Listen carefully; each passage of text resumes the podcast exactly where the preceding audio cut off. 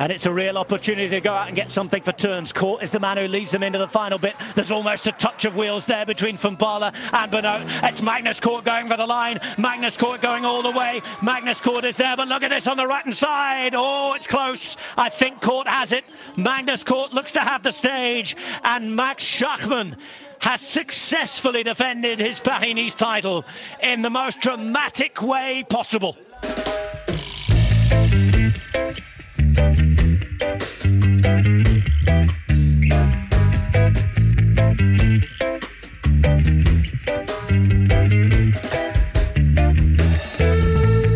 Den britiske kommentator sagde det perfekt. Magnus Kort vandt sidste etape i Paris-Nice, mens Maximilian Schachmann på dramatisk vis vandt løbet samlet. Og ikke nok med, at vi fik en dansk sejr i et World Tour løb. Nej, mandag gentog Mads Wirt Schmidt bedriften med sin første sejr overhovedet som professionel. Du kan høre fra begge danskere lidt senere, og med det velkommen til mine to faste vindere, Kim Plesner og Stefan Djurhus. Tak. Tak for det. Kim, det kan da godt være, at, at du er mester ved Europa, men ham der, den anden øh, ved Europa-fyr, han gør det da også meget godt. Mester. Eller mister. Mister. Øhm, ja, Kort, han... Øh, jamen altså, vi er jo sådan lidt blevet vant til, at han, øh, at han snart vinder, når han, når han kommer hjem i bare noget, der minder om en reduceret gruppe. Og øh, jeg havde skrevet lidt med ham også inden, øh, inden Paris-Nice og sagde, nu er det jo nu er det ulige år, så nu vinder du igen jo. Og, øh, og det gjorde han. det gjorde han, og på imponerende vis. Øh, Stefan, øh, Mads Wirtz var også imponerende, og vi kan vel sige, at endelig fik han sin sejr. Ja, jeg synes, øh, når man ser på... Øh, han har faktisk kørt rimeligt sådan øh, de sidste par år, øh, har han sådan altid lige fået et godt resultat på et år, men øh, der man lige manglet det sidste, og øh, det viser han altså bare her. Han har lige givet den øh, en ekstra øh, tak i år, og, og det viser han bare her, og, og tager fortjent sin, øh, sin første World Tour sejr. Vi har selvfølgelig fokus på de to store etabeløb, danske sejre og Mathieu van der Poels vilde solorit, men øh, du kan også glæde dig til Kims gennemgang af den store Team Sky retssag, og så skal vi også lige omkring den her nye ballade, der er i øh, Danmarks Cykelunion. Det går virkelig godt med vurderinger på Apple Podcast, og det må I rigtig gerne fortsætte med derude. Vi er på 924, og vi sigter mod de 1000, så øh, har du endnu ikke givet os en anmeldelse af nogle stjerner, så må du meget gerne gøre det nu. Og det gælder uanset om du lytter på Apple Podcast, på Spotify, SoundCloud eller et øh, helt andet sted. Tak til alle jer, der støtter på tier.dk. Som lovet har vi en øh, fed præmie til lodtrækning i dag. Mere om det senere. Øh, og i dag har vi fokus på årets første monument, Milano Sanremo, der køres på lørdag. Og du kan nu købe forskellige Poggio-trøjer. Øh, eller måske skal du have en Quarmont hoodie, så du er helt klar til Flandern rundt om et par uger. Tjek alle de forskellige produkter på shopvelropa.dk. Og tak til alle, der støtter og allerede har støttet gennem shoppen. Mit navn er Claus Elming. Du lytter til Velropa Podcast, præsenteret i samarbejde med BookBeat og Otse fra Danske Spil. Velropa Podcast præsenteres i samarbejde med Otse fra Danske Licensspil. Husk, at man skal være minimum 18 år og spille med omtanke. Har du brug for hjælp til spilafhængighed, så kontakt Spillemyndighedens hjælpelinje Stop Spillet eller udluk dig via Rufus. Vi lægger ud med Paris-Nice, der sluttede søndag. Primus Roglic var suveræn og vandt hele tre etaper undervejs, men endte alligevel med at tabe det hele på gulvet. Den tredje af de her etapesejre, den kom på lørdagens næst sidste etape, hvor Roglic nærmest på stregen overhaler den unge Gino Meter, der har siddet i udbrud hele dagen. Mette reagerer med at smide et par fingre i luften, og der bliver efterfølgende talt om, hvorvidt det var grådigt af Roglic, at sådan i gåsøjne stjæle den her sejr fra Genometer. Hvad siger I til det, Stefan? Det var faktisk også min første tanke, fordi at, øh, vi sidder jo lidt og, og, og holder med den her øh, unge Schweizer, som har gjort et flot stykke arbejde. Hvor at, øh, at jeg sad også og tænker, jamen altså, øh, tænker han, er han ikke lidt bange for at, at, at tage den her og sådan noget? Øh, fordi man, man har ikke lyst til, når man er i den position, som han er, så stor en rytter, og, og begynde at blive virke usympatisk og, og blive hadet, fordi at så kan det blive rigtig svært øh, i forhold til, at så snart man selv bøvler med nogle problemer, så får man kniven af alle de andre, fordi de tænker, endelig, så øh, kan vi komme af med ham på den her måde. Ikke? Øh, så bliver det bare svært for ham, men egentlig så synes jeg, at Roglic han kridter egentlig banen meget godt op øh, selv. Altså han siger, at vi kører cykelløb, og den bedste vinder, øh, og, og fair game, og jeg synes egentlig også, at han viser rigtig god øh, sportsmanship Øhm, for eksempel i Tour de France, da han går over og, øh, og siger tillykke til øh, Pogacar, efter han har tabt hele turen på, på, på, til allersidst. Ikke? Det er jo, og han gør det samme jo, i det og løb han gør det samme her, øh, hvor jeg egentlig tænker, sådan, det er sgu egentlig det er sgu klasse og, mm. øh, at gøre det på den her måde, men vi er jo egentlig vant til at se, at øh, når man har, øh, når man har så, øh, så høj klasse, øh, vi så det med Lance Armstrong blandt andet, men også andre ryttere, de, øh, de passer lidt på med, øh, fordi de, man vil gerne også lægge nogle tjenester i banken, sådan så når man selv er presset, øh, har en, en punktering, en, en lidt sygdom, øh, har noget uheld, at man, så vil man også gerne have, at folk i feltet kan lide en, så man, så man kan få den der, øh, det der lille hjælp, øh, når man har rigtig meget brug for det. Og den, øh, den, øh, den afviser han bare øh, benhårdt, øh, Roglic, øh, på en eller anden måde. Men jeg Øh, synes, jeg synes også, der er to ting i det. Der er, der er faktisk flere ting i det. Altså et, vi tænker tilbage på Eddie Merckx, han blev kendt kannibalen, fordi han vandt alt, hvad han kom i nærheden af. Hvorfor skulle Roglic ikke gøre det samme? Øh, der er det her faktum med, som Roglic også siger efter etappen, øh, mit hold kører hårdt. Jeg giver mm. den her øh, sejr til mit hold. Ja. Øh, og, øh, og tre, øh, det her med, at der er jo bonussekunder involveret. Og nok er han jo nogle sekunder foran øh, de nærmeste, men der er trods alt flere bonussekunder ved at køre først over stregen, ved at køre over nummer to. Jo, men det er, ja. det er jo et valg.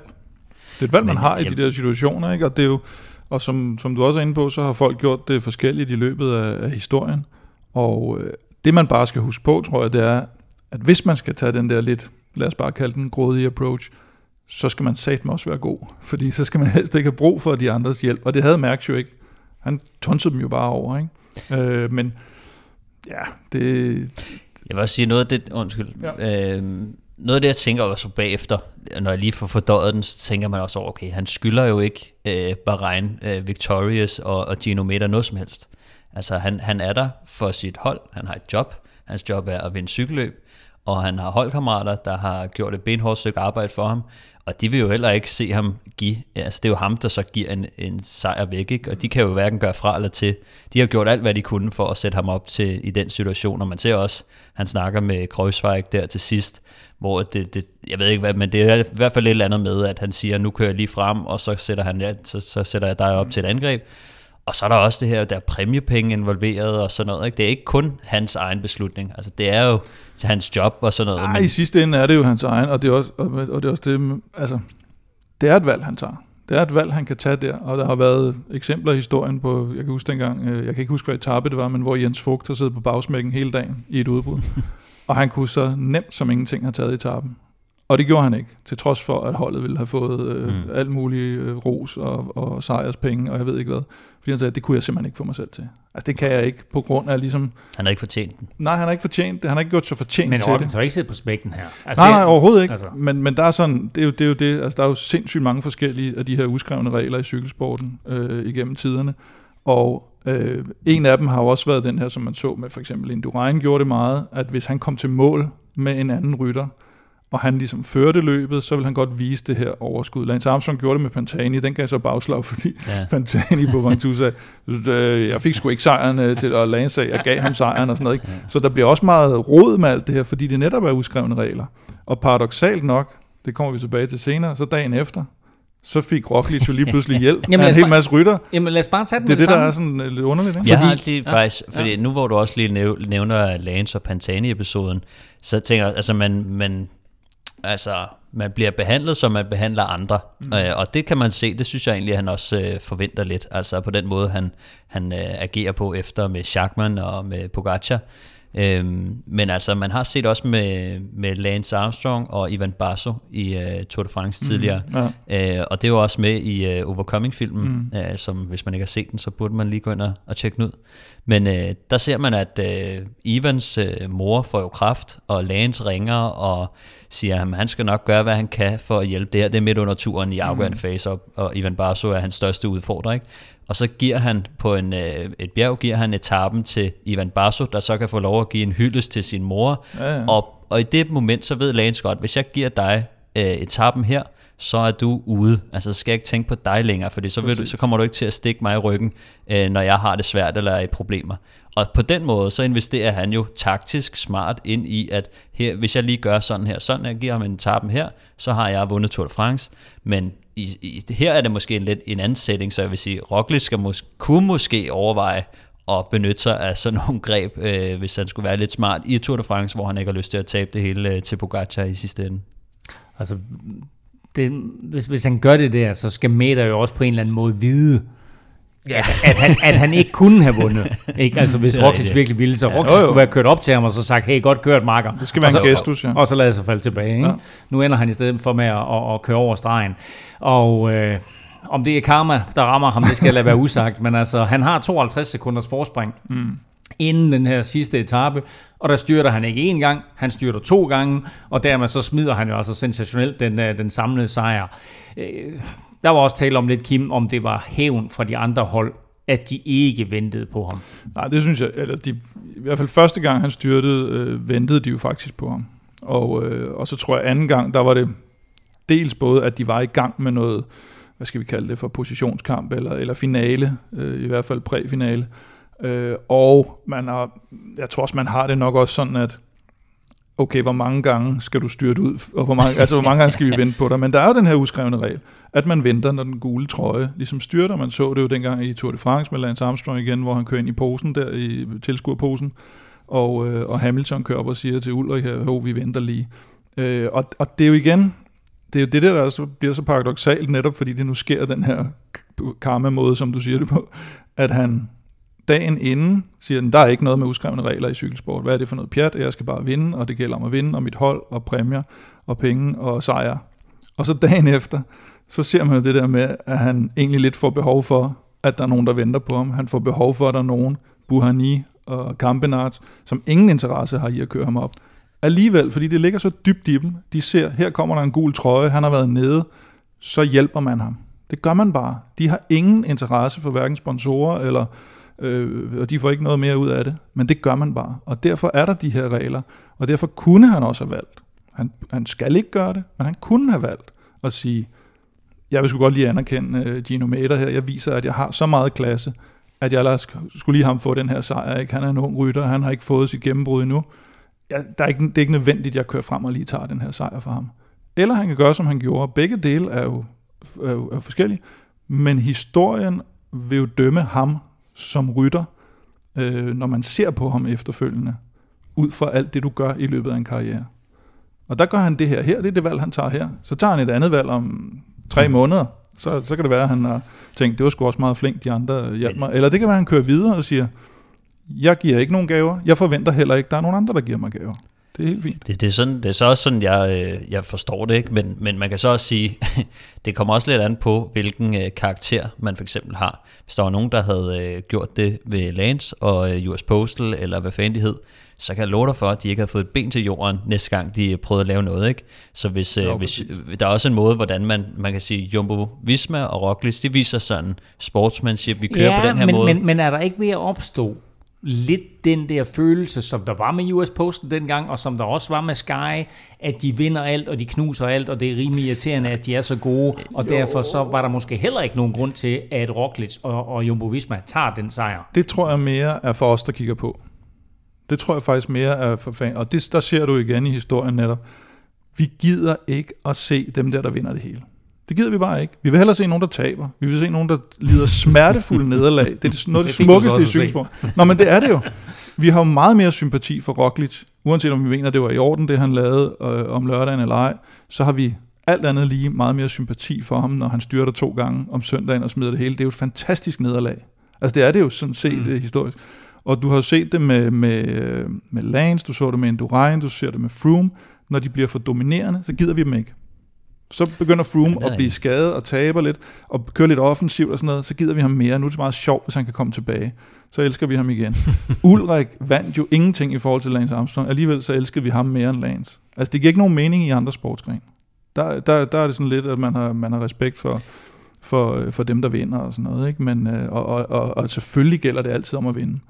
Men i cykelsporten, der er simpelthen så mange uskrevne regler og romantik, at nogle gange, så, så er det bare ikke den måde, det, det kører på. Ja, men jeg tror også, ja, det er jo en, en, en fin pointe faktisk, ikke? men der er også den måde, man, man, man takler løbet på, ikke? altså med, med Lance og andre øh, dominerende kræfter tidligere, så har det meget været sådan noget med at nedstige hinanden og lukke, øh, du ved, jeg lukker dig, så snart du angriber, fordi du skal ikke, øh, fordi den gang for øh, 10 år siden, ikke? så øh, lavede du lige den der finte på mig, og den går ikke. Øh, det fornemmer jeg ikke rigtigt, at Roglic og, og Jumbo Visma gør. Øhm, så, Ej, så var der heller ikke nogen, der havde hjulpet det, ham om søndagen i hvert fald. De er ikke den samme autoritet, som, Ej, som nej, man tidligere har set. Øhm, men altså, så, så sker sådan noget her, som om søndagen, ikke? Jeg synes, det var, øh, det var fair nok. Altså, det er 93 km cykelløb, øh, fuld knald på, og øh, som, som Kim også sagde før, ikke? Hvor, altså, hvor mange gange skal man vente? Altså, første gang, fair nok, den er sådan. Ja. Det, vi giver den lige, altså vi, vi, vi øh, stopper lige med, vi, vi løsner lige øh, foden på, på speederen, øh, men fortæller lidt, og så anden gang, så er det sådan, ej, nå, så kan han sgu bade rundt for sig selv dernede, ikke? og så får den bare fuld. Og nogle gange har det også noget at gøre med, hvor meget er der på spil. Altså, hvor stort er presset for, altså, hvad, havde det her nu været Tour de France? Altså, mm. havde, havde, var de så kørt første gang også? Altså, fordi der står virkelig meget på spil. Øh, penge og prestige, og jeg ved ikke hvad, og sponsorerne og sportsdirektøren sidder sikkert og roer. Fordi de vil jo kræfte mig alle sammen bare øh, vinde og køre, ikke? Fordi det, det er en del af cykelsporten, kan man så lige pludselig sige, ikke? Det at styre det. Men, og så så vi jo igen igen, hvor svært det er lige at lukke de sidste meter der, fordi han, han var næsten op Roglic og kyst bagenden af feltet, ja. Og alligevel så når han ikke op, og øh, så endte det altså med, at han, han taber over to minutter. Vi taler mere Paris-Nice lige om lidt, og øh, du skal også høre fra en dansk etapevinder. Men først... Der skal vi naturligvis have skudt quizzen i gang. Mm. Er I klar? ja. Det står 7-7, og øh, dagens quiz, der øh, går vi tilbage til øh, Paris-Nice, som jo blev vundet af Maximilian Schachmann, der dermed forsvarede sin titel. Det sker ikke så tit, at der er en rytter, der forsvarer sin titel i Paris-Nice. Ved I, hvem den sidste var? Det var Schachmann. Det er korrekt. Og før ham? Nej, det var den seneste var, ikke? Ja, jeg håber ikke, Præcis, altså hvis man skal være lidt... Måske er det også lidt, Hvis man skal, skal være lidt uh, Kim Krakilsk. Øhm, ja. Det var Alexander Vinukov, faktisk. Nå. Ja, ja det, det hørte jeg faktisk godt ja. i tv, tror Men øh, tre ryttere har vundet løbet tre år i træk. Tre ryttere? Uh, tre ryttere har vundet løbet tre år i træk. Der er point for hver af dem, I kan. I får lige et stykke papir og en kuglepen her hver. og øh, så kan I skrive op øh, under ja. udsendelsen her, så vender vi tilbage med øh, forhåbentlig rigtige svar mm. fra jer lidt senere i udsendelsen. Er spørgsmålet forstået? Ja. ja. Så har jeg kun én ting til jer to, og dig, der sidder og lytter med. Lad nu være med at google. Magnus Kort fra front.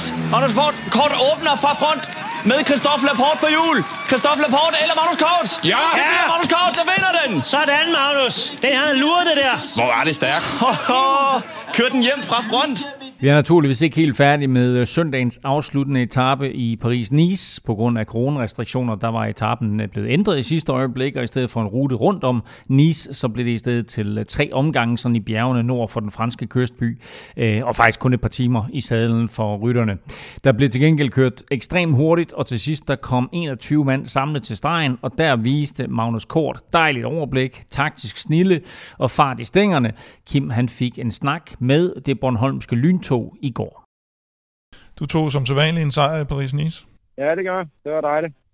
Det virkede som om, at du kørte rigtig godt på øh, den første enkeltstart, og så var det som om, at du gik sådan en lille smule stå undervejs i løbet, og så kom du tilbage med fuld hammer på sidste etape. Var det, var det efter planen? Ja, enkeltstarten var også god. Øh, det var jeg glad for. Øh, jeg ved ikke, hvor meget jeg gik i, gik i stå. Jeg synes, jeg kører måske fint nok uden at få så meget, øh, så meget ud af det. Men det kommer også an på, hvad, hvad planerne og taktikken er fra, fra holdet. Øh, hvor synligt øh, er det, man, det, man laver eller, eller bliver bedt om at lave. Da du skal til at spurte med Laporte, så får du lige øh, langet ham en ordentlig vinge.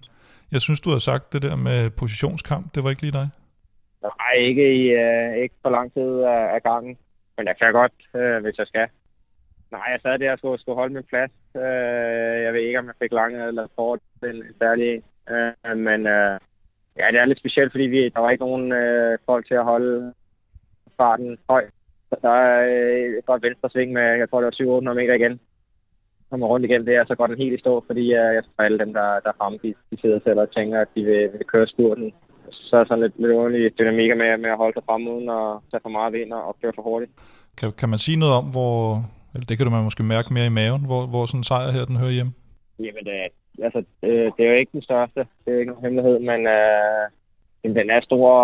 Øh, ja, selvfølgelig, det er jo ikke, ikke længe siden, jeg kan sige, jeg vandt i, øh, i World Fan, men, men alligevel, øh, så efter sådan en vinterpause, og man er i gang igen, og så, øh, så vil man gerne have, at, at, at, at der kommer noget, øh, og på den måde er det, er det, er det rigtig stort at, at, at lykkes igen. øh, nu har jeg vist, at jeg kan, uh, og det hjælper, men det, det hjælper også på, uh, på de næste løb i forhold til, uh, til opbakning for holdet, og bare min egen, min egen selvtillid selvfølgelig har fået et, et boost.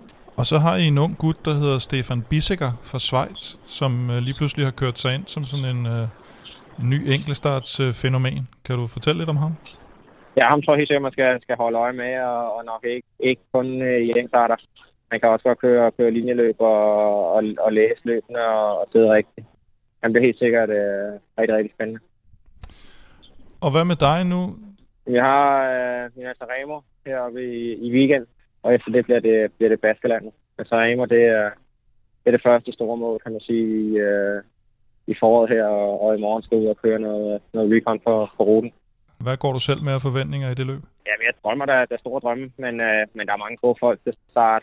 Ej, jeg bliver ked af det, hvis ikke jeg, jeg kan køre, køre med om det, ligesom. Og så må vi se, hvad det kan, kan række til. Og hvordan får man skovlen under de her Van der Pol, Van Aert eller Philippe? Det virker som om, de dominerer ret meget i cykelsporten lige nu. Ja, men jeg har jo godt øh, set det. Nu har jeg ikke selv kørt, cykler mod men de her uhyggelige ud. Jeg tror ikke, de må passe sig selv, og så må jeg køre mit eget løb. Øh, selvfølgelig skal jeg jo holde øje med dem, men øh, ikke planlagt en eller anden vanvittig taktik for at, at ramme lige netop dem på, på en eller anden måde. Men jeg vil gerne med, med henover, øh, hvis, hvis de kører øh, i, i en lille gruppe afsted. Snart de sidste mange år, så er der kørt nogen hjem. Jeg tror, det, det er længe siden, der har været en, en reduceret masse spor i, i om, om sejren i hvert fald. Øh, jeg tror egentlig bare, at jeg skal, skal køre med, og så må man se, hvor mange der, der hænger på, øh, på bagved. Det viser, at man helt sikkert godt kan, kan slå et hul, der, der er svært at, at få lukket til, til sidst.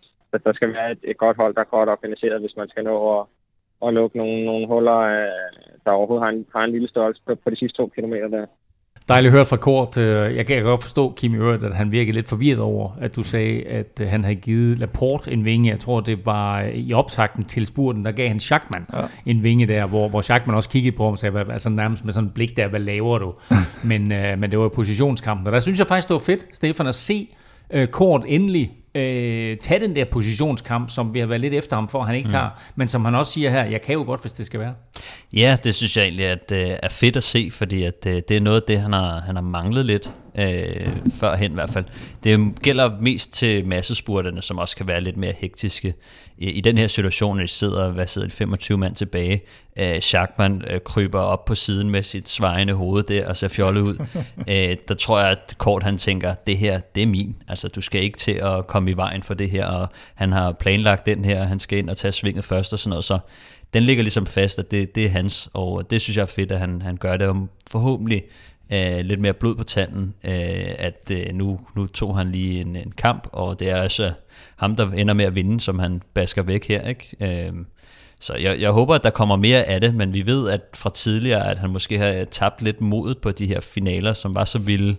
Øh, men, men, men det er også fået... det, vi har talt om, at han har jo ændret karakter som rytter, at nu er det ikke mm. længere masse spurt, der drejer sig om, nu drejer det sig for ham om at finde de her etaper, hvor det går lidt op og ned, mm. men ikke mere op, end at han kan være med, og kan han så komme hjem i en mindre gruppe, så er der ikke ret mange, der er hurtigere, end han er.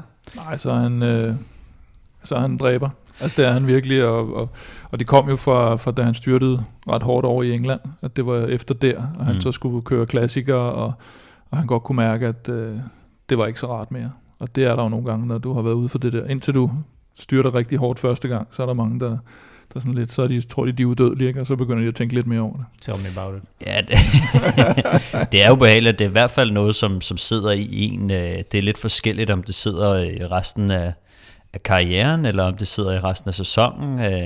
Men øh, nogle gange så er det også lidt motiveret af, øh, hvad er dine muligheder ligesom? Altså hvis din eneste mulighed er at køre ind øh, til spurten, og hvis du, altså, jo mere du har brug for resultatet, jo mere positionskamp kan du også øh, for, for, formå at, at, at deltage i. Øh, men altså, som du også siger, det her med de her mellemetapper er jo virkelig blevet hans øh, metier nu, altså hvor at han, øh, han har den spurt, han har, og han er, bare, han er virkelig effektiv øh, watt per kilomæssigt. Altså han kan også godt klatre ret meget. Vi ser jo, altså hvor få rytter der er tilbage her, og det er jo Luther, øh, øh, hvad kan man sige, bjergrytter nærmest, han sidder tilbage med. Øh, så det, det er kun lille Laporte, som også er den her samme type som, som Kort er. Ikke? Øhm, det er kun de to, der sidder tilbage, der egentlig har chancen for at vinde. Og der viser øh, han bare, at, han er, øh, at Kort han er lidt bedre. Øh, så, så bare virkelig særklasse øh, på, på, de, på den her slags etaper. Med den form, han også har lige nu, altså specielt også, som, som Kim også nævner i interviewet, den her øh, 19. Plads på enkeltstarten er også noget, som, som er meget uden for det, som Kort har, har gjort sig i tidligere. Så, så når han gør det, så, så ved man, at der er virkelig form på, og og forhåbentlig kan det motivere ham til at, øh, til at presse sig lidt længere frem i positionskampen. Og det er jo interessant, fordi selvfølgelig er det et langt cykelløb, vi står overfor, og vi taler meget mere med Milano Sanremo øh, senere, men det er jo sådan en afslutning hvor det går lidt opad, og hvor de, de svageste bliver sorteret fra, og kan mm. han sidde der, så er der da også en reel chance, hvor han kan komme på podiet. Ja, den, den, det der bliver problemet, tror jeg, det bliver de der eksplosioner, de, øh, de tre hurtige herrer der, som vi har, som vi har set i Tirreno nu at de kommer til at lave, og der, der, der tror jeg godt, at han måske kan få lidt, øh, lidt ballade med at, at sidde med, men, men hvis, det, hvis det bliver samlet lidt igen, og, og det bliver hårdt, men, men, øh, men en lille smule samlet igen, så, så er der ikke mange. Så er det netop sådan en type som Laporte, der kan, der kan sidde og tro ham, tror jeg, og så, så er der ikke mange andre hurtige, der kommer med op over. Og så må vi jo bare sige, det er et imponerende Palmares, han efterhånden har samlet sig, og han er jo iskold her også, at han siger, at det er jo ikke en af de største, han har altså lige vundet en etape, afslutningsetappen øh, i Paris-Nice, ikke? men altså han har også et par, eller tre uh, Vuelta-etapper af det, og, og, en, og en Tour de France-etappe. Er det 17 etape, så han har nu, tror jeg? Så, Eller 17 sejre. 17 sejre, ja. Øh, meget, meget imponerende af, af Magnus Kort. Øh, I vores optakt til øh, Paris-Nice, der formastede jeg mig til at sige, at øh, Jacques han øh, næppe øh, ville vinde Paris-Nice, og øh, jeg vil sige det på den måde, ikke blot vandt han, men jeg synes jo faktisk, at han viste kvalitet undervejs, der sender ham op i favoritfeltet øh, i mange af de her korte etabeløb. Jeg synes, vi skal stadigvæk huske på, at det, det blev sådan en lidt alternativ afslutning igen i år, ligesom det gjorde sidste år, hvor, øh, hvor coronaen sådan begyndte at vise sig første gang, øh, hvor der også var noget aflysning til sidst. Og, øh, og i år, der kommer så det her Roglic nedbrud, samtidig med, at det er en forkortet etape på, øh, på sidste dagen. Så, så det har stadigvæk været to meget specielle udgaver af Paris-Nice, han har vundet, men han har de der kvaliteter. Altså han har jo en, en hurtighed, han kan sidde nogenlunde med i bjergene, han er en, en rigtig god allround rytter, der, der ligger godt til de her ting, og også til nogle, øh, nogle endagsløb øh, kan, kan han også godt lige øh, lave nogle gode resultater i, så han er super, super rytter.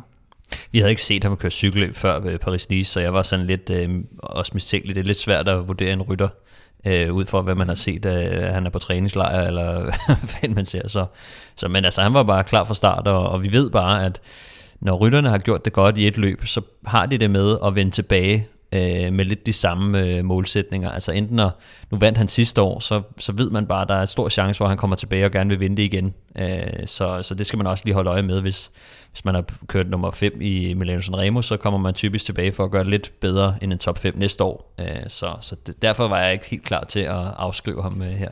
Er vi ude i lidt, at han er ved at overtage øh, stjernerollen hos Bora fra Peter Sagan? Ah, ja, nu har Sagan jo været ude med, med corona, ikke? Og, og derfor går der lige en, der er lidt, lidt langt indløb til hans resultater. Det jeg synes, man kan se nu, nu så jeg også, at han vil stille op i et af de spanske løb, i stedet for de her, øh, øh, hvad hedder det, semiklassikere frem mod klassikerne. Sidste år så man, han tog til Giroen og sådan noget. Det, det er sådan lidt ligesom, når du ser en fodboldspiller begynde at tage over til USA eller Kina og tage nogle øh, penge og sådan noget. Altså, hvor han, hvor han lige pludselig vælger de sportslige kriterier ud fra, hvad der måske er mest lukrativt. Og det gør du ikke, når du er i din prime i hvert fald. Nej, jeg tror også, øh, hvad kan man sige, det, det, den bliver, øh, Sagans rolle bliver spist lidt i begge ender, fordi øh, på den ene side, der har du Ackermann, der, der er god, og han er skud i den, og han kan sgu godt vinde, eller i hvert fald køre top 3. Der er sgu lidt i tvivl med, med Sagan efterhånden, hvordan han kan gøre det i en, i en masse spurt. Vi ved, at han kan gøre det nogle gange og vise det i turen og køre efter de her pointtrøjer og sådan noget, men det virker til at være hans eneste realistiske målsætning efterhånden, ikke? Og, øh, og gå på togter og, og nappe de der øh, top 10'ere, og så Øh, og så i den anden ende, så har du nemlig øh, Schachmann og, øh, og hvad det ellers hedder, øh, af de her Bukman og Konrad og alle de der, der, der også spiser lidt ind i, på, på de her kuperede cykelløb. Så, øh, Groschartner. Ja, Groschartner. Altså, altså de har et, et sådan rimelig bredt mandskab med kvaliteter i begge ender, og, og der har Sagan før, førhen siddet rimelig tungt på det hele. Der, der er ligesom om, at der er andre, der viser, at de, de kan, imens han ikke kan. Maximilian Schachmann vinder altså Paris-Nice for andet år i træk med øh, Astana-duoen Alexander Vlasov og Jonas Aguirre på de næste pladser. Roglic slutter som nummer 15, 2 minutter og 16 sekunder efter den tyske vinder. Det har aldrig været så nemt og billigt at lytte til lydbøger som med BookBeat. Både spændende nyheder og gamle klassikere. Kom i gang med det samme på BookBeat.dk. Og så har I fået brugt BookBeat. Ja. okay, så er ja. den fedt. Jamen, jeg har også. Ja. Øh, og øh, BookBeat er en lydbogsapp, øh, og der er masser af både danske og udenlandske bøger at vælge imellem. Øh, vi har lavet sådan en øh, Europa podcast anbefalerliste med alle de bedste cykelbøger, men der er altså masser af andre bøger at vælge imellem derinde. Og du kan prøve en måned gratis nu på BookBeat ved at benytte linket bookbeat.dk-velropa. Øh, en af de bøger, som øh, jeg har læst tidligere, men som jeg har set ligger derinde, det er Jakob Fuglsang-bogen, mm. øh, skrevet af TV2's, eller skrevet i samarbejde med, med TV2's Rasmus Daghøj. Har I, har I læst den? Nej, ikke den hele, tror jeg. Men du er lidt i gang med den? Jeg er lidt i gang med den også, på fjerde år. Nej. Har du læst den? Det er det, jeg siger. Jeg har læst den, men jeg siger, at den, den ligger derinde øh, til aflytning, så det er en af de bøger, øh, man kan lytte til, og der er altså masser af andre bøger. Hvad, hvad er du i gang med, Stefan? Øhm, jamen, jeg var i gang med Den Hemmelige Cykelrytter, og øh, så har jeg øh, så har jeg haft øh, lidt fat i øh, Brian Holms øh, bøger derinde også, som, øh, som jeg, jeg har ikke læst dem alle sammen, men jeg har læst nogle af dem, så, øh, så jeg ville Sportsdirektøren er der en, der hedder? Sportsdirektøren har jeg læst ja. øh, den sidste kilometer, øh, har jeg også øh, læst, men det er lang tid siden, ja. og jeg synes, jeg kan bare huske, der var nogle ret fede øh, fortællinger i den. Så, øh, og så er der også de her øh, sorte, sorte sokker og hvide kaffe. Nå, men der er også ja. den, der hedder, hvad hedder den, Smerten, Glæden.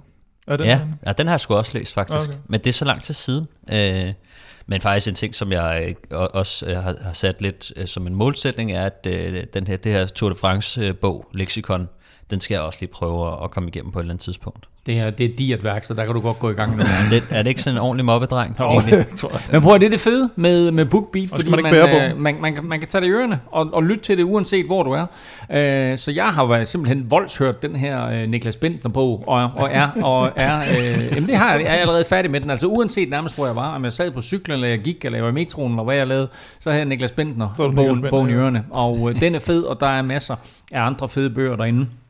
Blandt andet også, altså hvis man er til andet end cykling, den her Andre Agassi biografi Open. Oh, den tror jeg faktisk, den har jeg læst som ja, bog. Og den, øh, den findes både derinde i læsebar version og også i en lytbar version, så det er i hvert fald en, en anbefalelse øh, herfra. Så gå ind på øh, bookbeat.dk-europa. Tjek vores helt egen bogliste ud, altså med, med cykelbøger, men altså som sagt masser af andre spændende titler. Prøv det nu i en måned på bookbeat.dk-europa. Det er nemt, det er lækkert, og husk, det er helt gratis, og du støtter Velropa podcast, og du må øvrigt gerne dele linket med andre i din omgangskreds.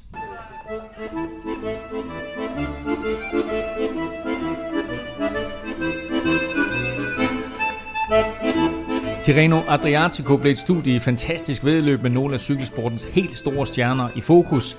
Mathieu van der Poel vandt femte etape efter et vanvittigt solorit.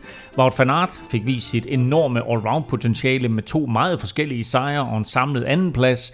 Men de to unge knægte kunne ikke helt røre øh, Tadej Pogacar, der i parentes i øvrigt selv kun er 22. Øh, han fulgte sejren i UAE-tur op med en samlet sejr i Tirreno Adriatico. Men Drenge, lad os begynde med ham der, Van der Pol. Vi kan du ikke så... synge en sang uh, med noget med Van der Pol on fire, har jeg hørt? Nej, det, det, det, det, det er one time. Det er one off, det der. Prøv vi så ham køre sidste år øh, langt udefra i Bing Bang Tour. Nu gør han det i et endnu større løb og på vel endnu mere imponerende vis. Ja, det var det var sådan en etape, der går over i historien, den der, ikke? Med, med 200 km, og de, de første 100 var sådan relativt flade og i, i nogenlunde godt vejr, og så de hmm. sidste 100, der, der skifter vi lige scene, ikke? Og, øh, og så bliver det bare ja, regn og storm, og de skal op over, eller ud på de her rundstrækninger med alle de her, de her italienske mure, som, som man jo kender dem fra, fra, fra netop uh, Tirreno Adriatico. Og, og allerede med, jeg tror det er med 70. mål, så begynder han sådan at, at, at køre splitfeltet fuldstændig i stykker. Og øh, efterfølgende i interviews, der siger han så, at det var fordi han sad og frøs. Så han kunne lige så godt få lidt ud af det. Ikke? og, øh, og så med 50 igen, så øh, de køber sådan en nedkørsel, og, og Pogacar og Fanart er jo lige røven af ham hele tiden. Men, øh, og så sidder han og spiser et eller andet, og så, så er det som om, at de, det er som om, de simpelthen har fået nok. Så nu, nu lader vi ham bare køre. Han er jo over 20 minutter øh, efter i klassement alligevel, ikke? og de tænker, nu, ham må vi bare lade køre. Det, det, det går ikke, det her. Og, øh, og så er det jo først de sidste, er det de, de, de, de sidste godt 10 km eller sådan noget, hvor han jo har opbygget forspring på 3 minutter. Og så, så er det Pogacar, der lige pludselig ikke kan holde sig i skændet, ikke? Øh, som vi kender dem, de der. Og så sætter han den her vilde jagt ind i det her vejr, og man kan se på Van der Poel foran, at han, han går mere og mere i krampe og går ned og, og sidder virkelig og kæmper med det. Og til sidst er det jo 10 sekunder. Han, øh, han, han kun kommer over ind over stregen. Og han kan, altså, han kan jo ikke engang juble. Hvornår har man sidst set en cykelrytter, der kører sådan en solosejr hjem? Vigtigt det, for ham lige, lige, det, lige at trykke på ja, computeren. Det, det, det, det, husker man, på, det husker man altid. Det sidder på ryggen. Ja. og så ligger han jo sådan nærmest øh, over styret, og simpelthen bare øh, kører ind over stregen. Og, og jeg har jo talt med en del cykelrytter efterhånden, der netop fortæller det der med, at det bedste måde at vinde på, det er de her solosejre. Så har du ligesom tid til at sidde og nyde sejren på det sidste, og du ved ligesom, hvordan du skal række armene i vejret og alt det der not so much her, må man sige. Jeg vil sige, det, det er jo det er der, hvor det bliver sådan lidt en overraskelse. Det er, altså, det er de fede. Den her, øh, den her sejr, der har han kørt og tænkt på det så længe, at han tænker, lad os bare få det overstået. Altså, det er helt vildt. Altså, han, han har jo allerede følt, at han har vundet mm. sejren der, for ja. at vide, at han er langt foran og sådan noget. Ikke? Øh, men faktisk, det du siger om, øh, om han kører, fordi at han skulle have varmen. Det er faktisk ikke engang for sjov. Altså, jeg har selv prøvet det der med, at man sidder i en finale, man sidder og sparer på kræfterne, det er mm. pis koldt, øh, og så lige pludselig, så slukker motoren bare fuldstændig. Og så bliver man sat, og man har siddet og sparet sig hele dagen, og man har haft holdkammerater, der har siddet og ført. Og så ender det med at være holdkammerat hjælperytteren, der, der kommer ind og, og kører om sejren, fordi at, øh, det er det eneste, der, der mm. kunne holde varmen. Så det er faktisk ikke engang for sjov. Og øh, man kan se, at Alaphilippe, Thomas sidder og pakker sig og venter og venter. Ja, han går lige pludselig død. Det gør. Øh, Almeida også. Øh, så, så staldtippet også øh, røg i vasken i øvrigt. ja, det var derfor. men øh, men øh, det er faktisk klogt. Man kan også se, at de sidder og puster i hænderne, ja. som er fuldstændig... Øh, men jeg tror også mere, det var det med, at, at altså kontrasten til den måde, det så udvikler sig ja, til for et ja, cykelløb, og så man ligesom siger, Nå, men jeg sad og frøs. Altså, at det var det, der ja. ligesom øh, var instigator for, for det der kæmpe drama, man så blev vidne til. Ikke? Ja, ja. Det var så vild en præstation, så Kwiatkowski, han efterfølgende tweetede, ja at femte etape i Tirreno Adriatico burde være et monument. ja, ja. Det er også en helt vanvittig, og de kommer jo ind nærmest en og en, øh, og der er jo flere ja, minutter mellem. Øh, altså, det, og de så ikke glade ud, nogen af dem, vel? Nej, det gjorde de ikke. Øh, bestemt ikke. Men det sjove det hele, det er jo, at vi har lige talt om den her situation med, med Roglic og Meter i, uh, i Paris-Nice. Ikke? Altså, mm. hvis Pogacar henter Van der Pol og slår ham på stregen, så tror jeg ikke, at vi har den samme diskussion. Så er det bare et spørgsmål om, at han, han kørte op, og han nåede ham på stregen, og han vinder et sensationelt sejr. Så, så det, der er sådan et eller andet omkring situationen, og det er måske også ja, noget at gøre med Meter ikke har vundet noget i forvejen. Og, ja, klart, og de der to er rivaler, og, og, og netop her har Pogacar kæmpet sig op igennem det her regn og slud og tre minutter, sådan helt usandsynligt, at han overhovedet kom op til ham. Hvor Roglic, det var sådan, at han bare lige sådan, zip, så var han ja. lige op, og han kunne simpelthen bare kvæse ham, hvis han ville. Ikke? Så det er jo det her David Goliath igen, der kommer, den, den ville ikke have været der på samme måde her. Men... Han kæmpede og kæmpede og kæmpede, uh, Pogacar, men det gjorde Van der Pol altså også, og, og fik altså kæmpet sig ind over stregen. En, en helt vanvittig sejr der på, på femte etape. Vi har jo talt rigtig meget om, om de her to drenge, øh, Van der Pol og, og Wout van Aert, øh, og sidst nævnte ville jo altså ikke stå i skyggen af sin evige rival, så han viste jo i det her løb sin imponerende alsidighed. Han vinder første etape i en masse spurt, hvor han jo blandt andet slår Caleb Ewan, øh, og så i den afsluttende enkeltstart, der slår han også alle øh, og, og, og vinder den, og han bliver i øvrigt nummer to sammenlagt i Tirreno Adriatico. Ikke? Altså, er der ingen grænser for, hvad han kan, Kim? Og der er en, øh, en meget, meget lille begrænsning, og det er jo det her, når man ser netop øh, Pogacar sådan nogle rykke i, i de høje bjerge eller på nogle alvorlige stigninger, så er han nødt til lige at, at, at, at tage den lidt med ro, og så køre sådan lidt diesel op til, til dem igen. Men han, han slipper jo ikke. Altså, så, så kæmper han sig så tilbage igen. Øh, og, og, og på den måde kan han godt minde lidt om øh, Tom Dumoulin, hans tidligere holdkammerat, hvor man kan sige, at han, Dumoulin var måske en lille smule skarpere i bjergene, i hvert fald indtil videre. Øh, ikke til gengæld, så, ikke så hurtigt spurten. Nej, til gengæld så havde han jo ikke, så kan han overhovedet ikke på nogen måde blande sig en masse spurt lige frem. Og så er de begge to rigtig, rigtig gode enkeltstartsrytter, ikke?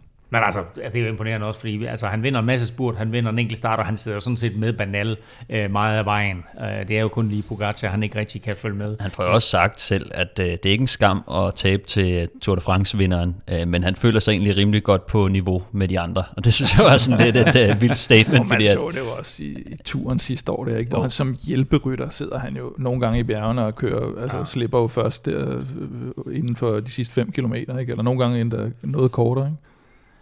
Der skal altså noget helt specielt til for at slå den her hollands-belgiske duo. Øh, så på anden etape, der satte verdensmester Julian Alaphilippe øh, sådan et, et, et fuldstændig vildt angreb ind og vinder spurten op til målmanden, øh, målmanden, øh, målmanden. målmanden op til målbyen i, øh, jeg tror den hedder øh, Chius, Chiustino.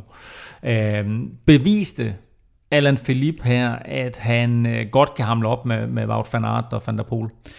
Ja, det, det, det synes jeg egentlig, altså, øh, det synes jeg egentlig, han gør, men jeg synes også, at, at vi får at se lidt her, at øh, han faktisk har brug for en lille smule hjælp fra, fra holdet, der, øh, der også kører ham rigtig fint i stilling på, på den her etape.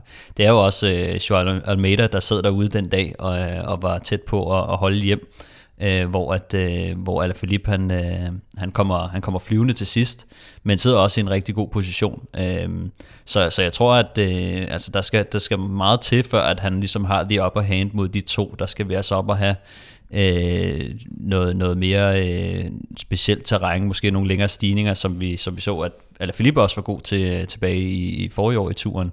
Øhm, men altså, jeg tror, han, han skal nok lige, lige i øjeblikket, øh, med den hurtighed og styrke, som, som de to herrer har, så skal han nok have lidt... Øh, skal der nok være lidt taktisk spil ind over, eller noget positionskamp. Øh, vi så også uh, van der Poel faktisk, uh, der kom flyvende bagfra uh, på den her etape, så, så så havde han siddet bedre til, for eksempel i positionskampen, så, så havde Matthew van der Poel nok også vundet den her. Øh, men jeg synes at klart, at han beviser, at øh, han stadig er med i gamet øh, om de store sejre med de her, den her trio her, som de jo er.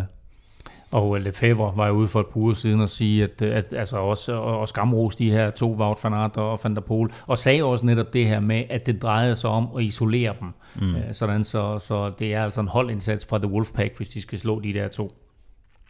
Øh, Jakob Fuglsang lå jo egentlig fint til i klassementet, men han havde en, øh, han havde en off-dag øh, på den der øh, 6. etape søndag, hvor han taber 13 minutter til øh, de bedste rytter. Han sluttede øh, samlet som øh, nummer 21 i løbet, men øh, der kom jo i den grad dansk oprejsning mandag, Mads Wirt Schmidt sikrede sig sin første sejr på et professionelt hold og sin første World Tour sejr overhovedet, da han var hurtigste mand i den femmandsgruppe, der kom alene hjem i Lido di Fermo. Here comes Mads Wirtz up and around him to try and get there. Velasco coming with a run. Van Moore's there, thereabouts as well. Van Moore's going to get this one. I think it's going to be very, very tight. No, it's Mads Wirtz. Mads Wirtz gets it.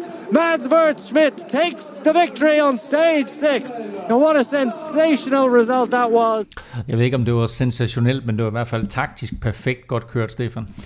Ja, det synes jeg. Altså, først og fremmest så øh, vælger han jo en, øh, en ret fin dag at, at komme, komme i udbrud igen. Øh, han, han var jo tidligere ude på en bjergetab, hvor han også var tæt på at, på at holde hjem, hvor han også tager bjergetrøjen. Men, men her, dagen efter den her forfærdelige dag, så, hvor Mathieu van der Poel vinder, så så sidder der er mange, der sidder i feltet og har lidt ømme piver, og øh, ikke synes, det er forfærdeligt sjovt. Øh, så, øh, så det var en god dag at, at komme i udbud på, og, øh, og man kunne bare se Mads, han så stærk ud, han så bedre ud end de andre, og jeg synes, det var sjovt, at han, han også nævner det her med, at han egentlig øh, lader de andre arbejde lidt hårdere og med til at og, og og gejle det lidt op, altså at sige, kom så dreng, nu trykker vi lige til og sådan ja, det har, noget. det har lytterne faktisk ikke hørt endnu, det der, men det kommer lige om lidt. Ja. men, øh, men jo, nej, men jeg synes bare, det var, det var meget fedt, og, og nu har jeg jo hørt det, at, øh, at han, han, det, det gode ved det er, at han, han trykker til, øh, hvor det gør ondt på de andre, og så øh, bruger, det er der, han bruger sin, sine kræfter, og det er bare rigtig smart øh, gjort af Mads. Øh, men, øh, og det er jo også noget af det, der for, for ham her, Emil Lippens øh, sat, som jo egentlig er en, er en hurtig mand, øh, da de kommer ind i finalen der, der kan man godt se, at Mads han, han har godt styr på det, og, og så får han også den her gave øh, af, af Nelson Oliveira fra, fra Movistar her, der øh, spiller sin kort fuldstændig forkert. Altså jeg ved slet ikke, hvad han, hvad han tænkte på, om han kunne køre den her hjem øh, fra spids med, med, med Wirtz i, i hjulet, men, øh, men man kunne godt se, at Mads han, han havde styr på det, han er bare virkelig øh, snu og, og hurtig i sådan en finale. Nu var det her, Kim, det var jo bare endnu en i rækken af danske sejre. Altså det er jo helt vanvittigt, at vi er ved at blive vant til det her, og at vi ikke bare kun er vant til det, men at vi næsten forventer det. Men for lige nøjagtigt Mads Wirtz, der var det noget specielt. Ja, og, og, og han var netop en af dem, vi sådan, måske ikke så meget forventede det, men, øh, men glædede os meget sammen med ham over. Og, øh, og, og det kunne man også se øh, normalt, når vi skriver på, på de sociale medier om, om danske sejre, så er det sådan lidt, åh oh, fedt, øh, Danmark gjorde det igen, og vi er gode i Danmark. Men her var det meget sådan personligt med Mads, sådan, jeg, kan virke, jeg under ham virkelig den der sejr, var der mange, der skrev. Og det var meget usædvanligt, og det var fordi, vi har haft det her kæmpe talent fra, øh, fra junior U23-tiden, hvor man tænker, okay, han bliver simpelthen, altså, han bliver måske en af de, de største i den der overgang. Øh, og så har han så bakset lidt med det, hvor mange af de andre øh, jævnaldrende, de har fået deres gennembrud, og derfor så har han jo siddet der og bare kæmpet og kæmpet og kæmpet på, at den her dag endelig skulle komme. Mads han har jo faktisk også kørt på hold med øh, Magnus Kort og Mads P. på øh, kultholdet en gang, hvor at, øh, det jo faktisk ikke gik så godt for ham. Øh, og så var det, at han ligesom øh, genstartede, øh, jeg vil ikke sige genstartede sin karriere, men øh, han, han hoppede så ned på, øh, på øh, var det Team Colo Quick, tror jeg, han startede, og, øh, og jeg så, så også et billede fra Trefort, hvor de var en masse gode med ham og Askren, og ja, ja. hvem fanden var det der? Ja, det var så, så øh, to år senere, tror jeg. Men ja. på Colo Quick, der kørte han jo med Alexander Kamp også, hvor de to var en, øh, en, en rigtig stærk duo, men, men han har haft sin op- og nedtur også, øh, altså lidt øh, pointen, ikke? Altså han har været en rigtig god juniorrytter, så havde han lidt en svær start på seniorsæsonen, så kunne han lige pludselig bryde igennem der og, og vandt... Øh, vandt VM i enkeltstart, øh, og, så, øh, og så kommer han op på, øh, på, på topniveau og viser egentlig sådan lige ved næsten. Øh, og så er han, når man, når man så endelig får en så stor sejr, så er det jo bare øh, fedt for, for ham og for, for, for alle os, der, har, der kender Mads. Og forløsningen var i hvert fald ikke til at, at tage fejl af. Jeg fangede øh, Mads Wirt Schmidt, mens han øh, sad i bilen i aftes øh, en køretur på 1300 km fra Italien og hjem til øh, Girona og kæresten Louise i Spanien. Fedt, at du har tid til at være med i Europa Podcast. Jamen, det har jeg jo altid tid til. ja, men i den, den her gang, der er der måske en, en ekstra øh, fed anledning. Fordi hvis jeg nu siger Mads Wirt Schmidt sejr her på World Touren, hvad siger du så? Det er noget, jeg har ventet længe på. Det er noget, jeg har kæmpet for i, i lang tid. Øh, endelig at, at, at kunne tage den der pind der på World Touren. Så ja, jeg er sindssygt glad og, og stolt af, af mine etappesejre, men også bare generelt af det, det, det løb, jeg har kørt i Tirreno. Helt i Tirreno var jo flot, og det blev så kronet med den sejr på, på 6. etape. Hvor stor var forløsningen for dig over endelig at få en sejr? Oh, jeg tror, øh, billederne de taler måske lidt for sig selv. altså, det, det var kæmpe stort, øh, og, og det var virkelig øh, noget, jeg har, har arbejdet på og drømt om i, ja, lige siden jeg blev professionel, og, og tage den der sejr der. Øh, så gør det i Tirreno. Det, var, altså, det er jo et stort løb. Altså, det, se på startlisten, at det, det er alle, alle de store stjerner, der er der. Så, så det, var, øh, det var sgu en, øh, en fed sejr at tage. Og det er jo sjældent, at, at sådan en lille udbrydergruppe der øh, snyder sådan et spurthungrende felt. Hvornår begyndte I at tænke, øh, det her, det kan godt lade sig gøre? Øh, jamen, jeg, jeg havde egentlig tænkt det hele dagen.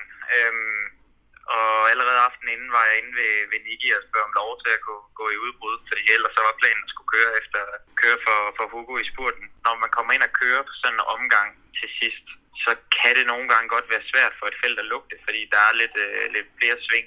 Det er lidt mere teknisk, så, øh, så jeg troede på det fra start. Men især da vi kom ind på omgangene der, og, og vi havde, jeg tror vi havde tre minutter med 40 km til mål. Der, selvom man plejer at sige, at, det, at feltet kører, kører et minut ind per 10 km, så begyndte jeg at tro på det der. Og så fik jeg ligesom sagt til de andre, at nu blev vi nødt til at trykke på.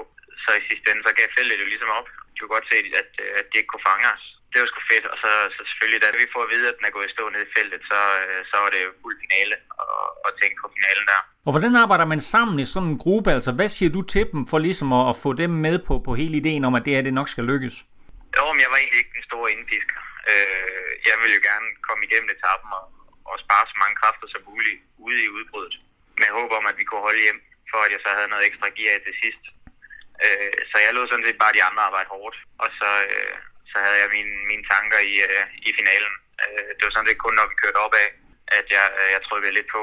Øh, for ja, måske lige trætte dem lidt og, og sådan. Øh, jeg havde hovedet i finalen, øh, og, og det, det er ligesom den approach, man skal gå ind i det udbrud med. Øh, og så, øh, hvis man bliver hentet, så bliver man hentet, men, men øh, hvis man ikke bliver hentet, så har man også ekstra, ekstra skyde med i, i finalen. Og hvad var, hvad var din taktik i finalen? Jamen, jeg vil gerne have spurgt. Ham, uh, trackrytteren Lipins der, han har været totalt fucked hele dagen. Uh, da vi kørte væk, uh, der uh, kunne han ikke engang tage nogen føring op over den første stigning, og han sagde til mig, at han, han beklagede sig over, at han, øh, han døde med allergi, og jeg ved ikke hvad, jeg kunne, jeg kunne se på ham, at han, han var færdig øh, allerede fra start. Så, så jeg var ikke så nervøs for ham.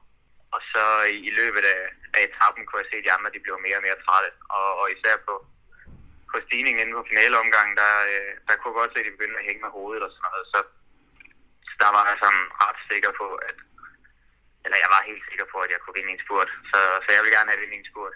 Og hvordan var det så øh, for første gang at kunne, kunne poppe en flaske champagne sammen med holdkammeraterne?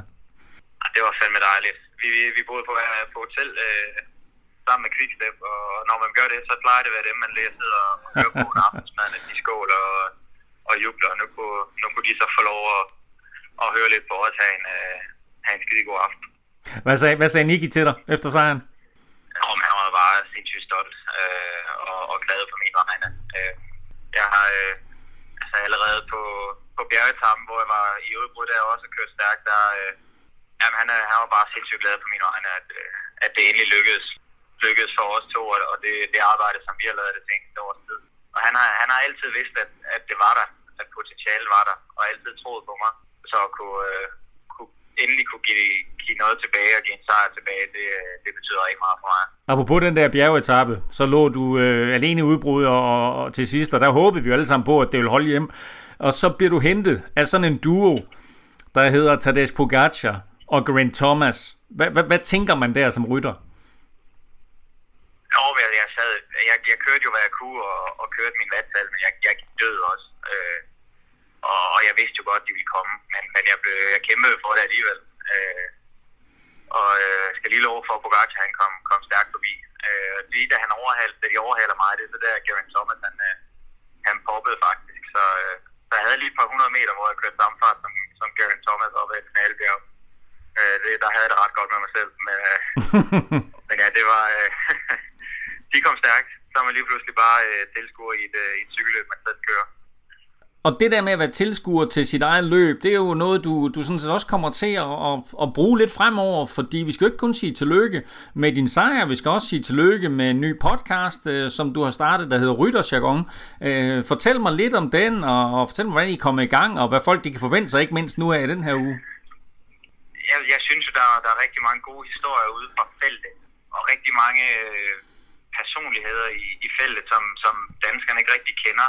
Og så synes jeg bare, det kunne være fedt at, at sidde og have en, en snak cykelrytter med cykelrytter, fordi det er, lidt en, det er en speciel stemning, der er, og vi, vi snakker lidt, lidt specielt sammen, når, altså når det er, det er ikke sådan rent øh, normalt snak. Jo. Og alle de der sådan komme ind bagved og, og høre, hvad det er, vi sådan går og tænker, og hvordan vi træner, og hvad vi synes, der er fedt, og få alle de der små, sjove historier fra, fra cykelløbene ud. Det, det synes jeg kunne være meget, øh, meget sjovt at, at komme ud med. Så ja, jeg, jeg prøver mig i, i podcast-verden nu, og synes, det, det er meget sjovt et lille hobby at have ved siden af. Jeg glæder mig i hvert fald til at høre den her uges øh, udgave af, af Rytterjargon. Jeg er sikker på, at uh, der kommer noget helt specielt. Ja, den, den bliver også god. Jeg har, øh, jeg har i historie fra etappesejr, men også fra, fra flere af de andre etapper. Fedt. Så den, den skal nok blive god, den, den episode fra. Nu når du så fået den første sejr. Hvordan ser dit løbsprogram ud nu fra, fra nu af? Jamen det næste er, at jeg skal til, nu skal jeg lige hjem et par dage, og så skal jeg til, til Belgien og køre klassikere. Fokus på, på Flandern og Roubaix selvfølgelig. Jeg skulle gerne være, være ham, der sidder med, med Stefan Marke til sidst og kan hjælpe ham i finalen, men, men der er jo altid en åbning for, for folk, når man, for, for rytter, når man sidder i finalen. Så, øh, så der er også åbninger for mig, og jeg kan hjælpe ham ved at sidde ude foran og, og så videre. Så, så der er masser af muligheder i, i Belgien også. Det gælder bare om at have benene. Du er vist god form. Du har fået en sejr. Åbner det sådan lidt op, både for holdet, men giver det også dig måske lidt mere blod på tanden? Jo, jo, helt klart. Altså, sejren og, og den måde, jeg har kørt på her i Tirreno. Altså, jeg, jeg har kørt med, med masser af overskud og, og masser af overblik i feltet. Det giver helt klart øh, mere blod på tanden og mere tro på tingene. Og det, det er det, jeg altid har hørt fra alle andre, at, at når, den første, når man har fået kørt, kørt den første sejr hjem, så ikke at det bliver lettere, men man kører løbende på en anderledes måde, og, og man ser tingene anderledes. Og selvtillid, det er bare øh, et og alt i, i, i cykelløb. Øh, og, og hvis man tror på sig selv og, og ved, at, at nu gør det godt nok ondt i benene på mig, men så gør det også ondt i benene på de andre, og, og alle ting Altså, så er det, at man kan drive det til mere. Så, øh, så jeg håber virkelig på, at, og tror på, at det her det har været, været startskud til endnu mere. Og så så jeg lige, øh, at du var øh, i, i sejrens stund, der, der var du mand nok til lige at huske fruen derhjemme. Ja, ja. Hun, øh, hun skal sgu have en stor tak for alt det, hun, øh, hun gør for mig. Hun har jo ikke rigtig noget arbejde i, i Spanien og så videre, men, men vi arbejder sammen om, om min karriere, og hun, øh, hun er en kæmpe, kæmpe støtte, jeg har i, i det, jeg laver. Og, og det er kæmpe stort af hende, at hun bare har, har offret så mange ting i hendes liv for, at, at vi skal lykkes med det her. Og det, øh, det her det er forhåbentlig starten på, at øh, der kommer øh, en masse succes øh, vores vej. Og hvad, når du kommer hjem, nu har du drukket champagne, og det hele er blevet fejret. Er der, og det er jo et vigtigt spørgsmål for sådan en som dig, er der mokai i køleskabet? Der er ikke mokai i køleskabet. Det kan man jo ikke få i Spanien. Jamen, det er jo en katastrofe. Øh, vi har fundet et sted, man kan købe breezer, og det er jo sådan set favoritten. Det er jo ikke mokaien, der er oh, favoritten. Okay. Det er, det er en breezer med ananas. øhm, det er da velfortjent. ja. Mads Wirtz, tusind tak, fordi du har tid til at være med, og igen bare kæmpe tillykke med den sejr her.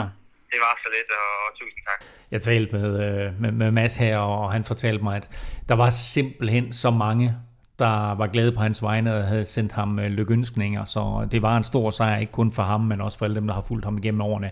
Han taler, Stefan, her om øh, det der med at få hul på bylden og få den første sejr. Hvad, hvad skal vi forvente fra ham nu? Jamen, øh, altså jeg synes, det er tydeligt at se, at han lige, øh, i hvert fald i år, øh, har, har lige fundet den der ekstra procent, og, og samtidig også fundet øh, måske den måde, han skal vinde på. Måske med at gå lidt mere aggressivt til værk, så komme lidt tidligere ud øh, i de her udbrudsgrupper, øh, og, og, og tage de chancer, hvor at i starten så var det måske mere forhåbninger om enkeltstarter, og så skulle han lige pludselig køre noget klassik og sådan noget. Jeg tror, at øh, nu øh, skal vi til at forvente, at han, han skal jo køre en masse af de her belgiske cykelløb øh, også. Øh, og der tror jeg, han skal sidde øh, tæt op af Sepp van Marke og, øh, og hjælpe ham lidt med at komme i position øh, de rigtige tidspunkter. Men jeg tror også, der er mulighed for, at han øh, kan få lov at, at stikke lidt afsted i, i noget præfinal, hvor han kan agere som, som forpost for, øh, for Sepp van Marke, eller måske selv opsøge chancen. Det kan jo også hjælpe Sepp van Marke i cykelløbet, hvor han så kan sidde med, med sit alibi og sige, at jeg har allerede en mand ude foran. Øhm, så, så det er den rolle, jeg ligesom tror, at øh, Mads han, øh, han kan gå ind og være både sådan lidt, lidt hjælperytter og, og, og måske gå lidt tidligere sted, som vi også har set Askren han startede med at gøre på, på Quickstep. Øh, det er lidt den rolle, jeg, jeg tror, han kommer til at træde lidt ind i nu. Jeg glæder mig i hvert fald rigtig, rigtig meget til at se Mads Wirtz fremover. Det er ligesom om, at øh, da Mads P. først havde fået sin første store sejr, så blev det bare nemmere for ham, og det samme med Askren og mm. samme med andre, ikke? Så lad os håbe, at det er den samme effekt, det har på, jo, på kan, Mads Wirtz. Du kan også høre det i interviewet her, ikke? Altså, du kan jo høre på den måde, han taler på, i forhold til, når vi tidligere har talt med ham. Altså, det er jo et helt forandret mm. menneske nærmest, du, du lytter til. Ja. Men det er også, fordi jeg kan huske sidste gang, vi havde ham med i Velropa podcast, der talte han jo meget om det her samarbejde med, med Niki, øh, mm. altså Niki Sørensen, sportsdirektøren der for Israel, at øh, de var begyndt at arbejde på en helt ny måde, og han havde givet Mads Wilson noget helt nyt input. Han talte i øvrigt også om Sepp van Marke sidst, vi havde ham med, mm. og omkring, hvordan han havde lært en hel del af Sepp van Marke, og det er jo ligesom om, at, at måske så kulminerer det hele bare her i Tirreno og Adriatico, og det hele, det flasker sig bare for ham, mm. hvilket det i øvrigt har gjort. Øh, det meste af sæsonen, han har kørt virkelig godt indtil videre, Mads Wirtz. Ja, og jeg tror også bare, det handler for ham om, at Øh, han har, altså Mads har altid været en, øh, en kanon øh, skarp cykelrytter, og haft kvaliteterne i orden. Jeg kan huske, da, da jeg kørte med ham, der var det også ligesom, så begyndte han skulle lige pludselig at blande sig i spurterne, og kunne også godt finde ud af det. Øh, så, så han har nogle, nogle gode kvaliteter. Øh, der kommer lige øh, nogle de sidste detaljer, som, som de, de, kun de allerbedste og allermest erfarne ryttere, de ved. Altså, hvordan er det lige, du får gjort sådan her, og hvornår er det... Altså, der, skal, der er lige nogle ting, der skal skæres lidt anderledes, end man gjorde, da man øh, kørte rundt i, i, i lokale øh, UCI-løb, eller, øh, eller danske løb og ungdomsløb og sådan noget. Der er lige, øh, kan man sige, finjusteringen skal lige sidde øh, øh, rigtigt. Øh, så, så det er nogle af de ting, som jeg tror også træningsmæssigt, at, at Niki øh, kan hjælpe ham med. Så, øh, Så det, øh, det, det tror jeg er det, som, øh, som, som de hjælper ham med lige nu. Stor og flot sejr af Mads Wirtz på 6. etape i Tirreno Adriatico, der er jo sluttet af med en enkelt start tirsdag. Og her vandt Filippo Ganna ikke. Hvad skete der lige der? Jamen, jeg tror, jeg tror, at de var trætte. altså, det har været et hårdt cykelløb, og øh, som, som du også tidligere nævnte der, øh, hvordan Kwiatkowski havde sagt, at øh, det burde næsten have været sin egen klassiker, den her, ikke? Jeg tror, folk var rigtig trætte, og, og det var dem, der havde noget at skyde med. Som, som vi også ser, det er tit i slutningen af, af Grand Tours med, med de afsluttende enkeltstarter i Giroen og, og, og turen specielt. Ikke? Øh, der, der ser vi lidt anderledes billede af det. Øh, så, så jeg tror bare, at de har kørt rigtig stærkt, og, og når det er så kort og eksplosiv en etape, så kræver det virkelig, at man er, er skarp og frisk. Øh, Øh, og, øh, og det... Men trods alt på hjemmebane for Filip Pogana, og jeg tror gerne, han ville have vundet den, men han bliver kun nummer tre. Altså både slået af Stefan Køng, og så selvfølgelig af Wout van Aert. Ja, jeg, han har også kørt, han har kørt godt rigtig længe nu, ikke? Og, og ikke kun øh, på enkeltstarterne. Og så var det jo også dejligt at se Stefan Køng, øh, og må, selvom det så var pisse irriterende, han sad været to timer i hot seat, og så kom van Aert til sidst, ikke, og slog dem med 6 sekunder. Og du, havde, og du havde jo kaldt den nærmest hele vejen, ikke? Du ja, kaldte. det, det var, øh, ja, det, øh, men, men jeg synes alligevel, han må, han må tage noget, noget positivt med derfra, Køng, ikke? fordi Garner har jo bare set fuldstændig uslåelig ud. Så, så det, at, at man lige ser en lille spræk i det, det må give nogle andre rytter lidt selvtillid. Tirreno Adriatico blev vundet samlet af Tadej Pogacar foran Wout van Aert og så med Mikkel Lander på løbets tredje plads. Som Monty Python ville have sagt, and now for something completely different. Øh, I sidste uge der kom en undersøgelseskommission i det britiske parlament frem til den konklusion, at den tidligere cheflæge for Team Sky, Richard Freeman, i foråret 2011 bestilte testosteron med det formål at dope en eller flere ryttere på det britiske mandskab. Dermed blev der om ikke sat punktum, så i hvert fald sat et ret så stort komma i den her efterhånden langstrakte sag, Kim. Ja, man kan ikke sige, at den er færdig, fordi så nu er det klart, nu vil alle have at vide, hvad var det så for en rytter, eller hvad for nogle rytter er det så, det her doping skulle være brugt til, og der, der er også startet sådan lidt en, en fløjkamp internt i Team Sky med Wiggins og Shane Sutton på den ene side, og Freeman over på den anden side, og, og, og det skal være spændende, det, det skal blive spændende at se, hvad det, hvad det udmyndter sig i, fordi historisk har man nogle gange set de her, at når der er nogen, der ikke rigtig har så meget tab tilbage, så, så bliver der lukket lidt op for posen, og så kan det ende i det helt store skraldebang. Skraldebang øh, er et godt ord her. Øh, og for at belyse sagen øh, og sætte den sådan i et historisk perspektiv, og måske for nogen øh, lige at genopfriske, hvordan det hele det egentlig begyndte, dengang øh, Dave Brailsford han etablerede Team Sky, så har vores øh, hofreporter og insiderkilde på Sky, Kim Plesner, lavet øh, den her reportage om sagen. The former chief doctor for British Cycling and Team Sky has been found guilty of ordering a banned performance performance enhancing drug, knowing or believing it would be used to dope a rider. The charges against Richard Freeman date back to 2011, a year before the London Olympics. The British cycling team enjoyed huge success during his time as the sport's top medic. He admitted 18 out of 22 charges at a medical tribunal.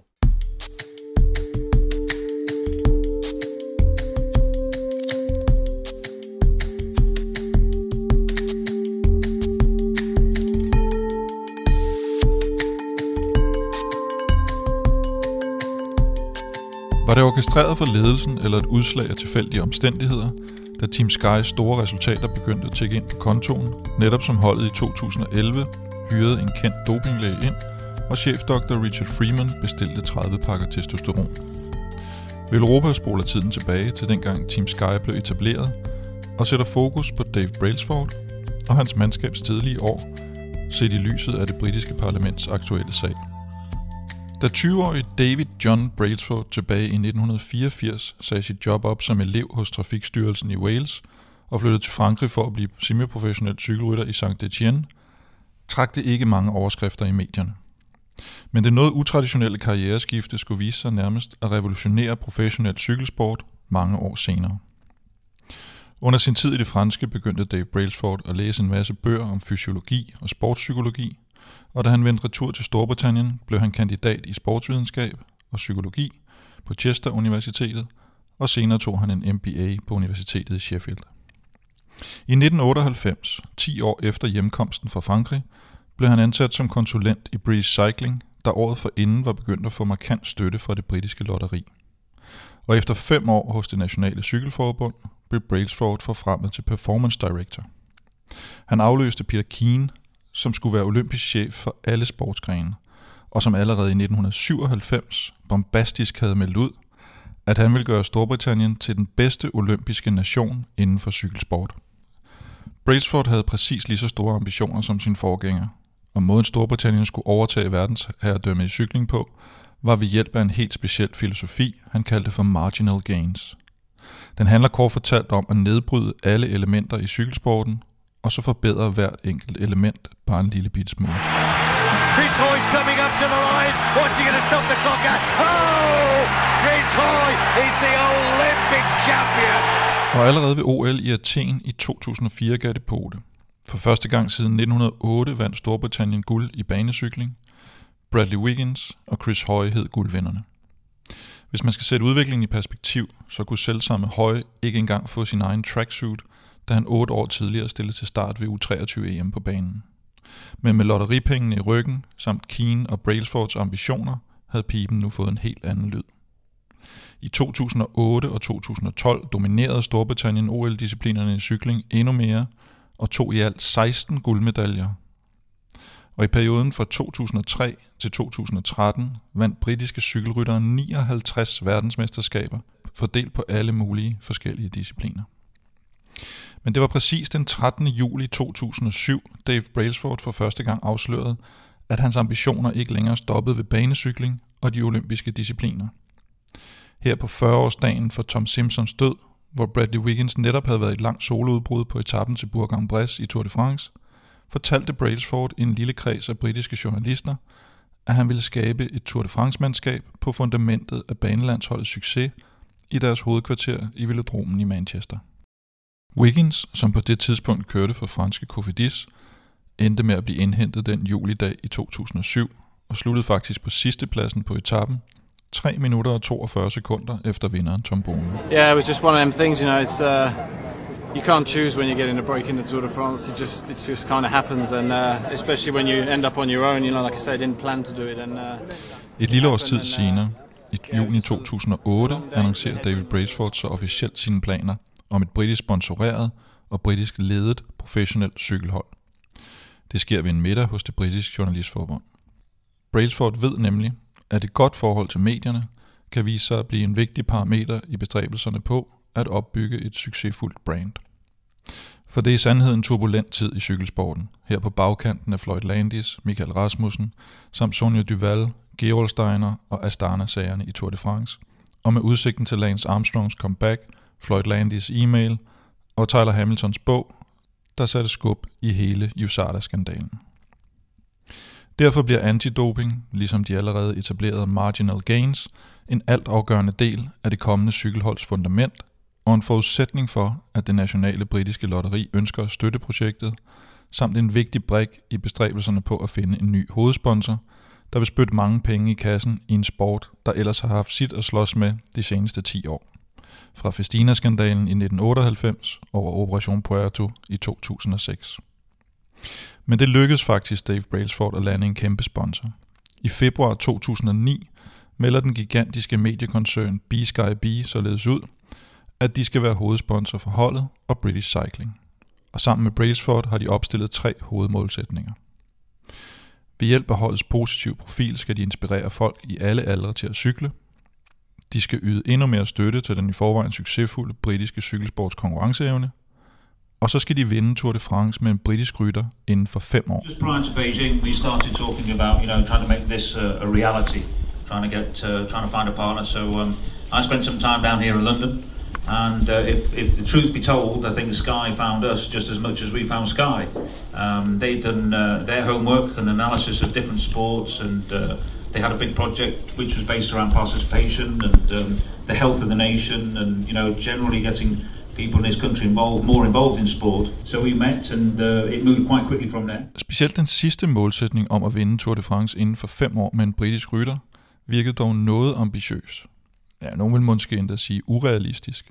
For i februar måned 2009 skulle man lede godt og grundigt i feltet for at finde en potentiel britisk Tour de France vinder. Man havde 28-årige Bradley Wiggins, der lige var skiftet til Garmin Slipstream, og havde en 122. plads i Tour de France samt en 134. plads i Giroen som bedste Grand Tour resultater.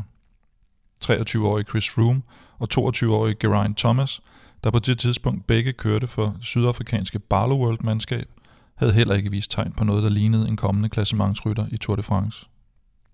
Froome var på det tidspunkt nok mest kendt for at have kørt ind i en official på enkeltstarten ved U23 VM i 2006, og Thomas kom ligesom Wiggins fra banen og lignede mest af alt en tung klassikerrytter i svøb, mere end en Grand Tour-profil. Det bedste bud på en turklassementsrytter var i virkeligheden nok 32-årige David Miller, som trods alt havde en 41. plads i Vueltaen, hvilket var klart bedre end de andre tre. Men Miller var i 2004, hvor han i øvrigt kørte på hold med Wiggins hos Kofidis, blevet suspenderet for doping, efter han havde indrømmet at taget EPO i 2001 og 2003. Men senere i 2009, så sker der pludselig noget med banerytteren og enkeltstartspecialisten Bradley Wiggins.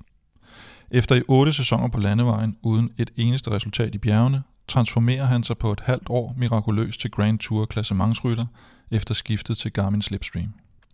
Han slutter som nummer 4 i Tour de France, kun overgået af Alberto Contador, Andy Schleck og Lance Armstrong. Maybe some of the best climbing of your career?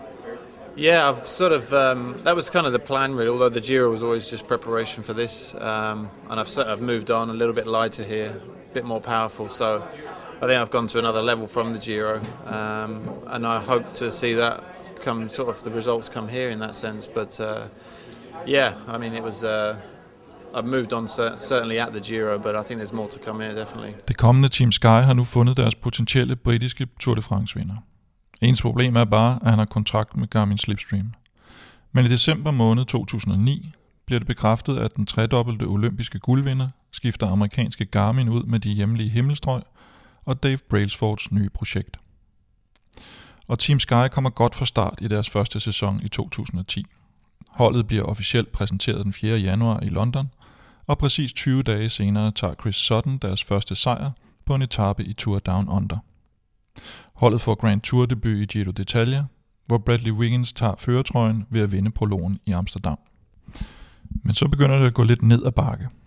Wiggins skuffer med en samlet 24. plads i Tour de France, og holdet vinder ikke de store sejre i 2010-sæsonen, og slet ikke i de store etabeløb. Faktisk må de nøjes med samlet sejre i de sløjt besatte Tour de Picardie og Tour de Wallonie. Dermed ser det ud til at være noget lang vej til målsætningen om britisk Tour de France sejr inden for fem år. Første sæson er gået, og man har slet ikke været i nærheden.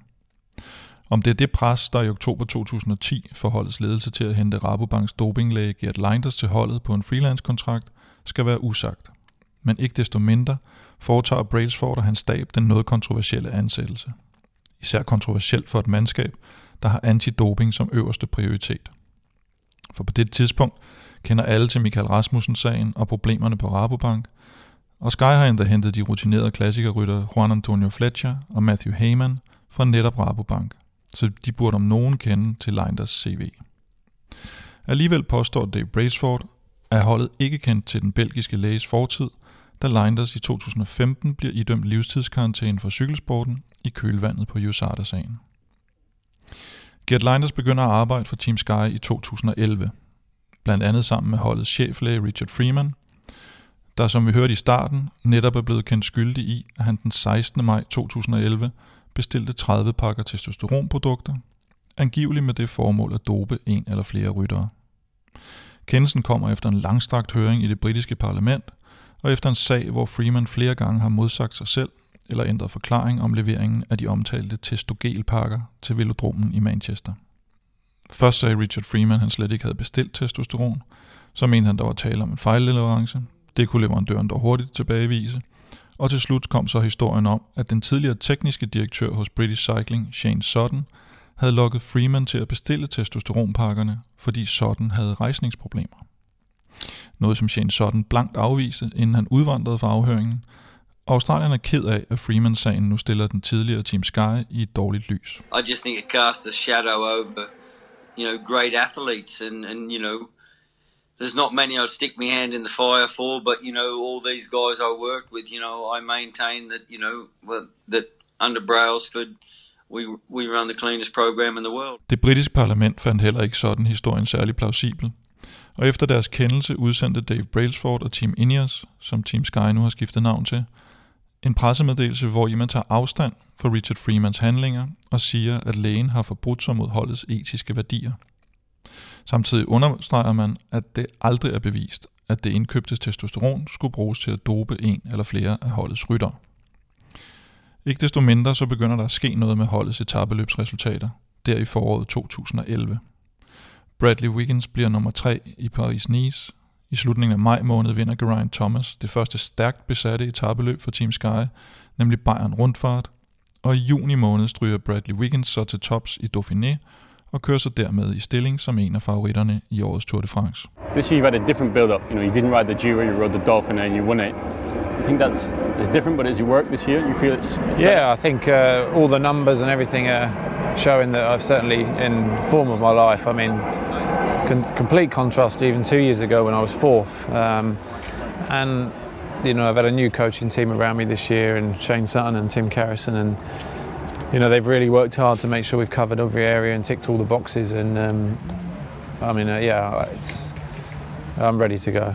Det var i øvrigt i forbindelse med netop det Dauphiné i 2011, at Wiggins fik leveret den såkaldte Jiffy Bag, der blev transporteret i bil hele vejen fra velodromen i Manchester og til Frankrig, selvom man på et hvert apotek i Frankrig kunne købe netop den medicin, der ifølge Dave Brailsford var i pakken.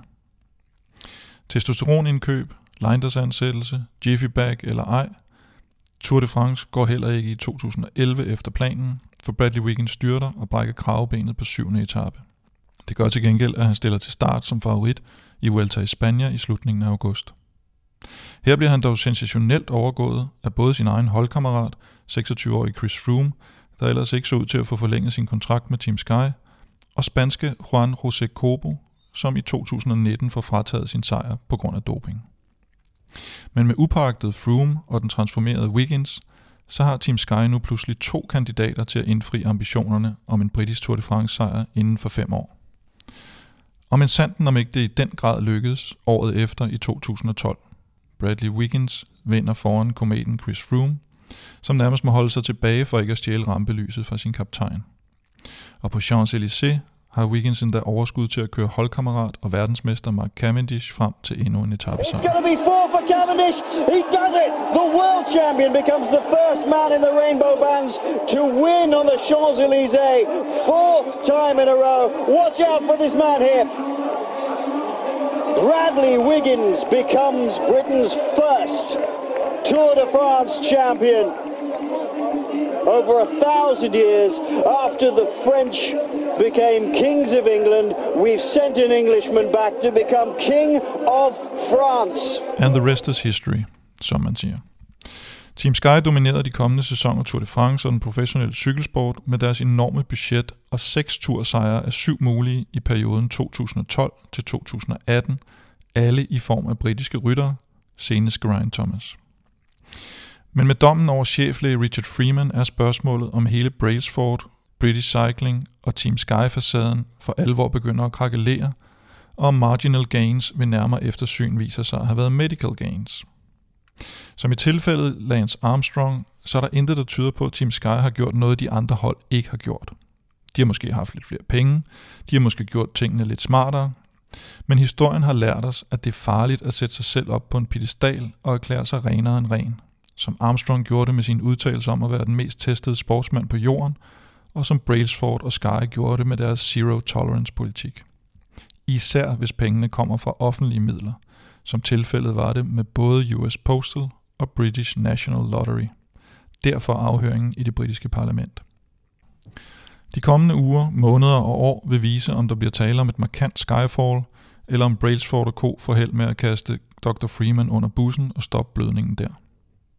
Faktum er, indkøbet af testosteron skete på Brailsfords vagt, så enten har han så været vidne om, hvad der foregik, eller også har han ikke haft styr på sin organisation.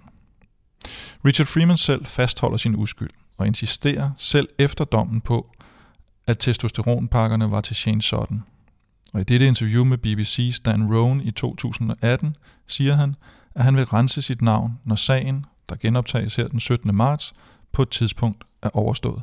I can clear everything up, but at the moment I am invest- under investigation about my medicines management policy by the General Medical Council, and therefore I am not at liberty at the present time, due to respect, for them not to talk about it. But no wrongdoing. No wrongdoing. Super fedt lavet, Kim. Uh, hvad, hvad tror du, der kommer til at ske i sagen nu? Jeg sgu faktisk meget i tvivl. Øhm, den er jo som sagt ikke slut endnu, og det der, altså, der, der sker jo nok det, Dr. Freeman her, han er jo relativt utroværdig, kan vi nok godt konstatere, og det er der nok mange, der har konstateret. Så, så i første omgang er noget med hans embede og, og mulighederne for at, at drive lægeembedet videre, og det, det tror jeg, der bliver sat en stopper for. Men, men det, det er interessant ud for en, en cykelsportsfan, og, og hvis man ser sådan lidt i historisk perspektiv, så er det jo, hvad der kommer til at, at blive åbnet op for inden fra, fra selve holdet. Altså, hvor, hvor galt stod det til? Var det et enkeltstående tilfælde, det her? Og, og, øh, og, og hvad kommer der frem nu her, hvor, hvor der er nogen, der begynder at blive sure på hinanden, som man også har, har set det på nogle af de, i de andre skandaler, man har set igennem tiden. Og nu skal man jo ikke tage for gode varer nogle af de her sladderblade, øh, som den engelske presse har rigeligt af, men der begynder jo sådan i kølvandet på den her øh, sag, der begynder der at komme nogle beskyldninger omkring doping til nogle af de her topryttere. Ja, der begynder at komme eks-rytter. Jeg så også ham der, Tiernan Locke, som også blev fyret for mm. holdet og sådan noget. Og der har jo været en masse inde og snakke om også om tramadol og, og alle de her ting. Og, og, og det der er jo... Altså, i, i Storbritannien skal man huske på, der var det lidt ligesom herhjemme, du ved, med Michael Rasmussen eller med Bjarne Ries, der var det også sådan lidt, hey, vi troede på jer og sådan noget, vi sad og hæppede på jer, og, og her, i det her tilfælde, har de også spyttet penge i kassen jo for det britiske lotteri. Så der er en masse, hvad skal man sige, bristede illusioner måske, der er nogen, der, der sidder tilbage med, og, og som godt vil til bunds i det at sige, hvad, var det hele bare øh, fis og ballade, ikke? Og, og, og så var I i virkeligheden bare ligesom alle de andre hold, og I, I sagde, I var noget helt nyt. Og, og, og hvor højt, hvor højt går det op, når det kommer til ryttere? Altså, er Bradley Wiggins yeah. involveret? Er Chris Froome involveret? Er der andre? Og specielt også Braceford, der jo kommer under pres nu, ikke? For, ja, for, for, han er jo stadigvæk leder for, for det nye cykelhold. Ja. Hvad siger du til det hele, Stefan? Øh, jeg synes, det er svært at finde rundt i også, så man øh, kan forstå på det her med, at det er jo ikke kun Team Sky, det er også British Cycling, øh, øh, og det, det er herre og damer, og er det, er, det, er det til staff, er det til rytter, og øh, også som, som Kim nævner med ham her, Tiernan Lock, der, der, der, der, hvad hedder det, der, der, der taler lidt om, altså havde vi et hold i, i to, to uh, tempo, altså, eller tempi mm. hedder det vel så, Øh, altså hvor at der var en lukket gruppe af, af, af, af ryttere, som, som fik en øh, lidt anden behandling end, end de andre, Øh, så kan man så sige, at Tjerner Lok var jo øh, så ikke en del af den, men blev alligevel øh, kom i fedtefadet. Men øh, jeg, jeg synes generelt, så synes jeg bare, øh, synes jeg egentlig, at, at øh, læger får øh, for, for meget øh, plads i øh, professionel cykling. Det er ligesom om, at det øh, har længe været sådan standard, at man skulle have flere læger tilknyttet. Øh, og jeg kan sgu ikke helt øh, forstå, hvorfor. Altså, jeg, jeg, øh, jeg, jeg kan godt forstå, at nogle gange altså, så skal der være noget astmamedicin, og der skal være, hvis du, øh, hvis du styrter, du skal have, øh, altså, men, men altså, det, de er der jo ikke for sjov, altså, de har jo længe prøvet at bilde folk ind, at det handler om træningsprogrammer, og der er også nogle læger, der ved lidt om, øh, hvordan kroppen øh, reagerer, og hvordan man skal træne, men jeg tror sgu ikke, at øh, altså, det er jo ikke fysiske trænere, de her, de har jo noget indsigt, men det, det er også primært for at, at have lidt tilgængelighed til, øh, til, hvad hedder det, til medicamenter, og øh, til at kunne udskrive de her TOE's, som, øh, som jeg tror, eller jeg, jeg, jeg ved det jo ikke, men øh, jeg tror, det er det, derfor de er der mange gange. Det er for at lige at bøje den der TOE over til at sige, øh, ja, du må godt lige få det her kortison, fordi at det kan jeg godt skrive under på, at det, det, det, det er fint nok. Øh, det, det finder man ikke øh, hos, øh, hvis jeg, hvis jeg går ned til min læge og siger et eller andet, så skal der tjekkes i, i hovedrøv, før jeg får noget som helst. Og det, jeg tror, det er derfor, jeg synes bare, det er lidt en skam, at, at der er så mange læger i, i, i sporten. Øh, de er der selvfølgelig af en god grund, men jeg tror også, at der er mange af dem, der er der for, øh, for lige at bøje reglerne lidt. Dr. Freeman er ikke sikkert, at øh, han fortsat øh, kan øh, få lov til at kalde sig doktor. Det er i hvert fald en af de ting, som du også lige påpegede, Kim, øh, der kan komme ud af den her sag, med at han mester øh, sin bestilling.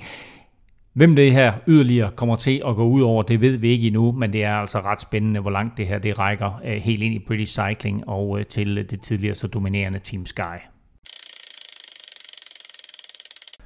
Det er super dejligt at se, at der er kommet i gang i den igen på øh, tier.dk. Tusind tak til øh, alle jer nye, otte nye faktisk, øh, siden sidste podcast, så velkommen til, undskyld, seks nye øh, siden sidste uge, så velkommen til alle, øh, og øh, kæmpe tak til alle jer, der fortsat bakker op omkring podcasten og har gjort det længe. Har du ikke støttet endnu på tier.dk, så er det faktisk et perfekt tidspunkt for Kim. Øh, der er noget med, at de her omtalte bøger, de er på vej som præmie. Det er rigtigt.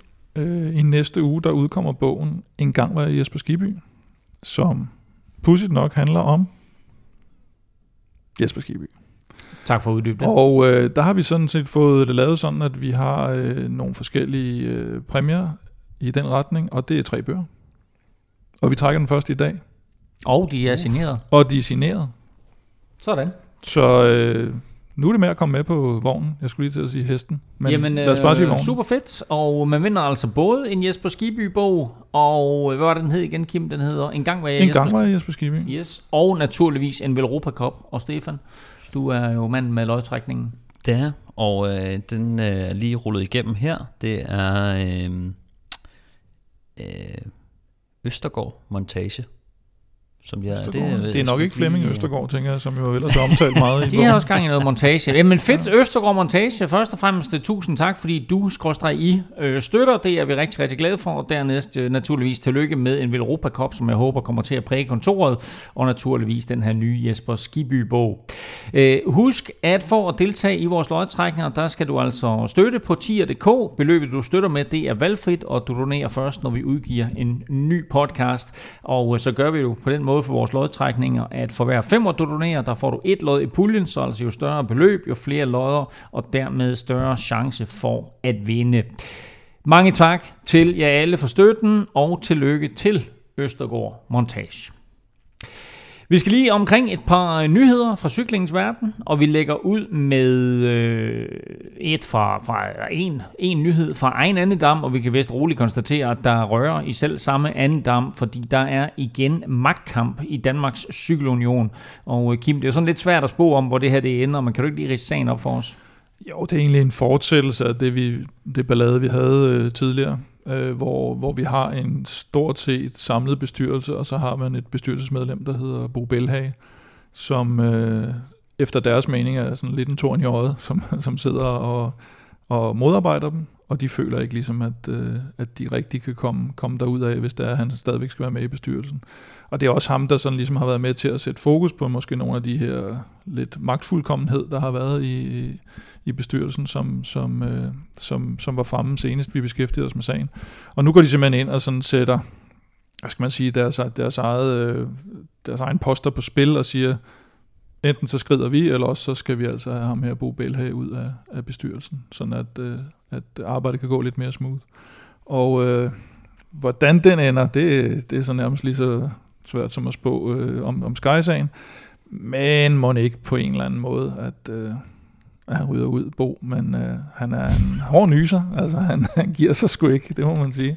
Han, øh, og han har også været, altså nogle gange er det jo meget rart at have de her typer, der, der ligesom er sådan en vagthund for, øh, for, for, for andre, der, der, der mm. synes, at øh, der måske er nogle ting, der bliver lige lidt for smart i sådan en, en bestyrelse. Og jeg tror, han påpeger noget med, at der er fejret ting under gulvtæppet, og han vil gerne have indblik i det, og det kan han ikke få, og så Ej, videre. det er klart, at de sidder og modarbejder hinanden. De, de er jo ikke interesserede i at være i samme lokale, havde han sagt. Mm. Så, så det er jo lidt uh, dysfunktionelt at have en bestyrelse med et medlem, der ikke gider være der. Det er jo samme, hvis du har tre uh, spillere på et fodboldhold, der ikke gider spille og sådan noget.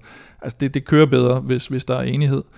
Man kan så måske, som udenforstående, eller cykelfan, eller dansk cykelrytter, kan man måske sige, det, det, at, at det bliver måske for nemt for bestyrelsen så at lidt køre deres eget show, hvis det er, at, at, at vagthunden ryger ud. Vi følger den her sag, der er altså ikke øh, noget endegyldigt endnu, men det er selvfølgelig en ganske interessant sag for, for dansk cykling som helhed, hvad der sker i øh, Danmarks Cykelunion. Øh, Der er faktisk kørt et proløb øh, i dag, altså på det her niveau, lige under World Touren. Øh, der var flere store stjerner til, øh, til, til start i Nokkerkurs i Belgien. Øh, løbet er slut her for en times tid siden, og det blev sådan lettere sensationelt Ludovic Robé fra det lille belgiske Bingol-hold, øh, der vandt øh, på hjemmebane. Ja, det, det, var, det er et herligt løb. Det er, jeg synes, de fleste af de her, de her små øh, belgiske sådan midtuge semi, ah, semi-klassikere er det vel dårligt nok, Men, øh, men, men hvor du har de her små belgiske mandskaber også, der bare kører røven ud af bukserne for at, at holde hjem. Og han sidder sammen med, med hvad hedder han, Damien Godin, som, som tidligere har gjort det rigtig godt i nogle, nogle lidt større forårsklassikere. Og, det, og, og til sidst så sidder man og siger, det kan, det kan da godt være, at de faktisk Altså, de sidder derude i 10 km med Jamen, 20 sekunder, og man tænker, nej, der er no way, at de når ind, ja, men det gør de. Og, det, øh, det gør de, og så jeg sad og hæppede lidt på Godin. Jeg kan meget godt lide ham som rytter, og den der lidt tonser måde, han kører på. Men, og jeg troede egentlig også, han, som den mest rutinerede vil tage den, men så, øh, så tog fanden ved ham, han sad nærmest og kørte som Schachmann der til sidst med, med rystende hoved mm. ind over stregen, ikke? Øh, og fantastisk at se de der, altså man ved, hvor meget det betyder for de der små belgiske mandskaber, ikke? Mark Cavendish var med og øh, styrtede 5 øh, km før mål. Han var måske måske ikke nede øh, en gang mere, øh, men i hvert fald så, øh, så skulle han angiveligt være, være okay, men altså et, et styr til Cavendish her i Nokra-kurs. Øh, bedste dansker blev Mikkel Bjerg på en 11. plads, der viste stor styrke undervejs øh, og forsøgte at hente udbryderne, men, udbryderne, men det lykkedes altså ikke. Jeg vil sige, hvis, hvis ikke han øh, havde taget en ikke bare en, men sådan 10 dingerføringer for holdet, så mm. det kunne være ret sjovt at se ham køre egen chance i de der belgiske løb faktisk han, med den han, motor. Han ser ud til at være i rigtig, ja. rigtig god form med Mikkel Bjerg. Øh, også kvinderne kørte nokre kurs, og her havde vi Julie Let, Pernille Mathisen og Emma Norsgaard til start, og sidst nævnte fortsat øh, sin gode sæson. Hun kom altså ind som nummer 8, på trods af, at hun styrtede undervejs øh, hollandske Amy Peters fra SD Works, var hurtigst i en gruppe på tre, der kom alene til mål, og hun vandt løbet. Og øh, apropos kvinder, så sig hej til Sara. Vel Europa Podcast præsenteres i samarbejde med Odset fra Danske Licensspil. Husk, at man skal være minimum 18 år og spille med omtanke. Har du brug for hjælp til spilafhængighed, så kontakt Spillemyndighedens hjælpelinje Stop Spillet eller udluk dig via Rufus. På lørdag begynder foråret, det er helt officielt, for der køres årets første monument, Milano Sanremo, der blot kaldes La Primavera, eller på dansk forårsbebuderen. Om lidt der får du øh, spiltips til løbet, men øh, først der øh, kigger vi lige lidt nærmere på ruten og favoritterne og danskerne, og Mincenten, om Kim ikke også har uddelt sæsonens første stjerner. Løbet er på små 300 km, og Kim, det gør det jo også til det længste af de fem monumenter, men måske også øh, det, der sådan øh, rutemæssigt, øh, rutemæssigt øh, er mest specielt. Ja, det er, en, det er en noget speciel rute, fordi du har, du har godt nok en enkelt stigning. Øh, tidligere var det Turkino-passet, og nu har det, skal de over en ny stigning sådan, øh, undervejs ned mod kysten. Colle del Giovo. Men, men den kommer også sjældent til at betyde noget. Ikke siden uh, Rolf Sørensen kørte, har den, har den kommet til at betyde noget. Det er 30 år siden, er det ikke det? Ja, det kan sgu da godt være. Og så kom det til at betyde noget dengang, at de ikke kunne køre over, fordi det var snevejr, og så måtte de hentes i busser. Men, men reelt set er det jo 250 km næsten flat, og i, med et uh, tv-udbrud, der kører og så rammer man de her øh, bakker nede ved, ved, ved Middelhavskysten, og så skal jeg den onden fløjt med love for, at der, der kommer gang i festen. Ikke? Så i forhold til de andre, hvor du har altså et Flandern rundt, det starter jo meget tidligere, øh, øh, finalen kan man sige, og, og, og der ligger meget større forhindringer tidligt, tidligt på ruten. Så det er vente, vente, vente. Man kender i hvert fald øh, momenterne meget klart og tydeligt ja. i Milano Sanremo øh, til forskel fra nogle af de andre. Og, og, men jeg vil bare sige på en måde, at det er jo ikke mit favoritløb på nogen måder, fordi det som regel er dødssygt de her første 280 km. Men jeg ved ikke, om det er Mathieu van der Poel-effekten, eller hvad det er, men for første gang nogensinde, der bliver alle 295 km vist live på tv. Ja, men jeg, nu skal man passe på med sådan noget, ved jeg, fordi øh, at, at der er sket øh, nogen, der har skulle gøre nogle mærkelige ting, men jeg vil lige sige, at jeg vil æde en gammel hat, hvis det er, at uh, Van der Poel, han kører rigtig langt udefra i Milano Sanremo. Fordi det, det tror jeg simpelthen ikke... Uh... Hvad nu, så han fryser? Ja. han, der er to muligheder. Han keder sig, og han fryser, eller kombinationen deraf.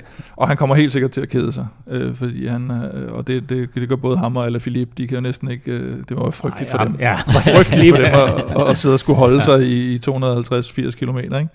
Men øh, det, det vil være så stort et selvmål at køre langt udefra, medmindre det er sådan et eller andet øh, helt men altså, er vi, er vi ikke ude i, at, at, altså, at det her løb er blevet kørt på den samme måde igennem så mange år, og der er en taktik til at vinde på, mm. øh, at netop sådan en fyr som Mathieu van der Poel, og måske Wout van Aert, at de kommer ind, og så for at bruge sådan moderne forretningsudtryk, så laver de noget disruption.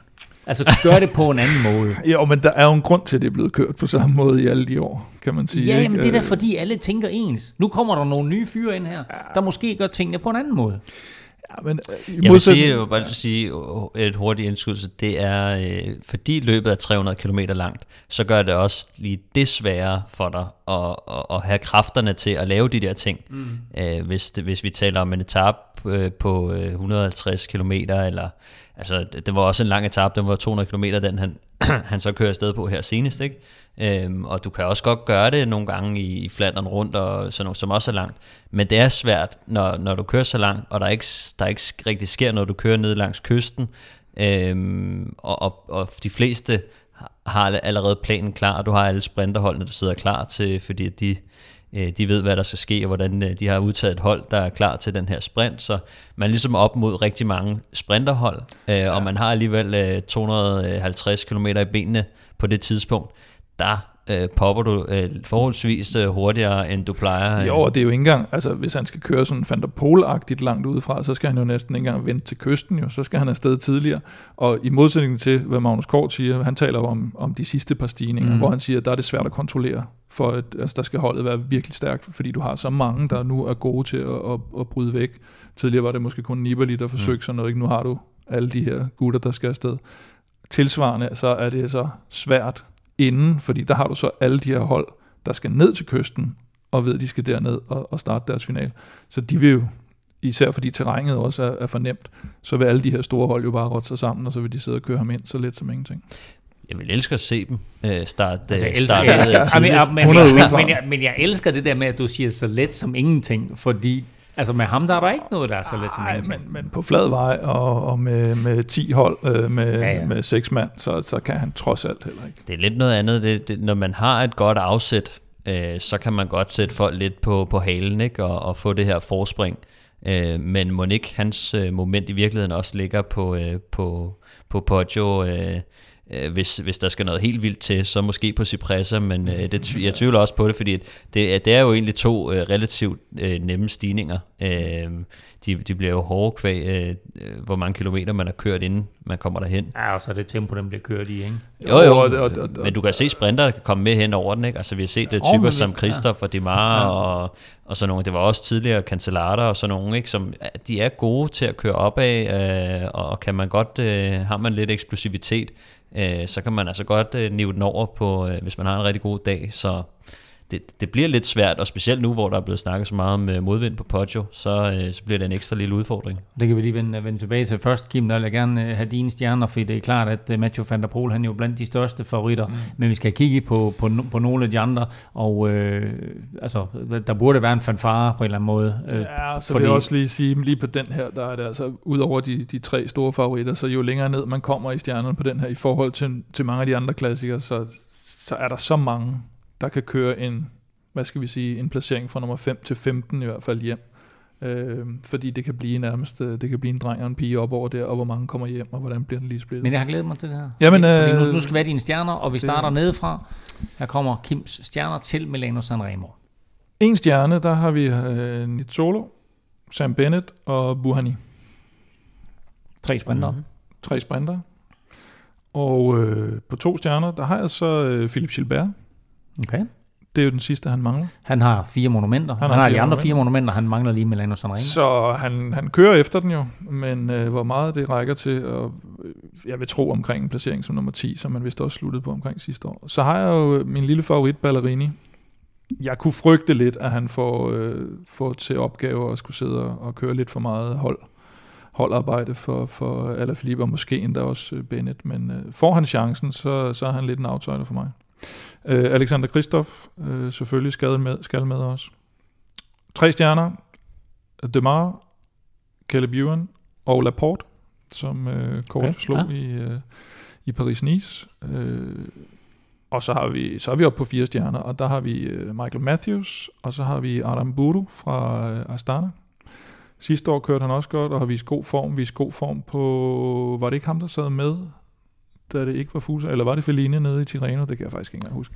Feline Men, øh, var blev nummer 4 på Men den Adam etape. Buru, han, øh, han kommer til at køre en, en, en sikker top 10.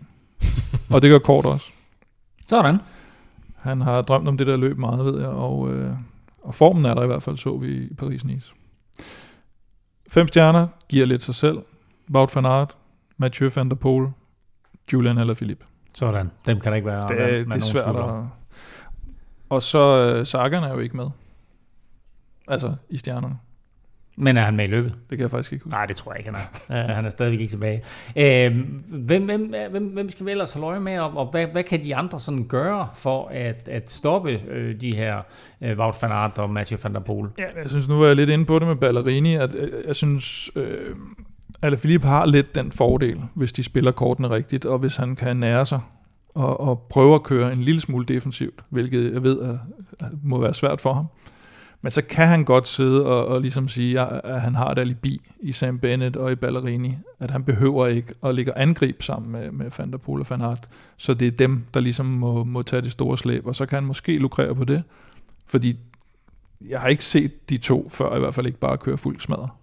Så, øh, så hvis han får dem til at arbejde rigtig meget, så tror jeg, at han måske har en chance for at, at få skovlen under dem.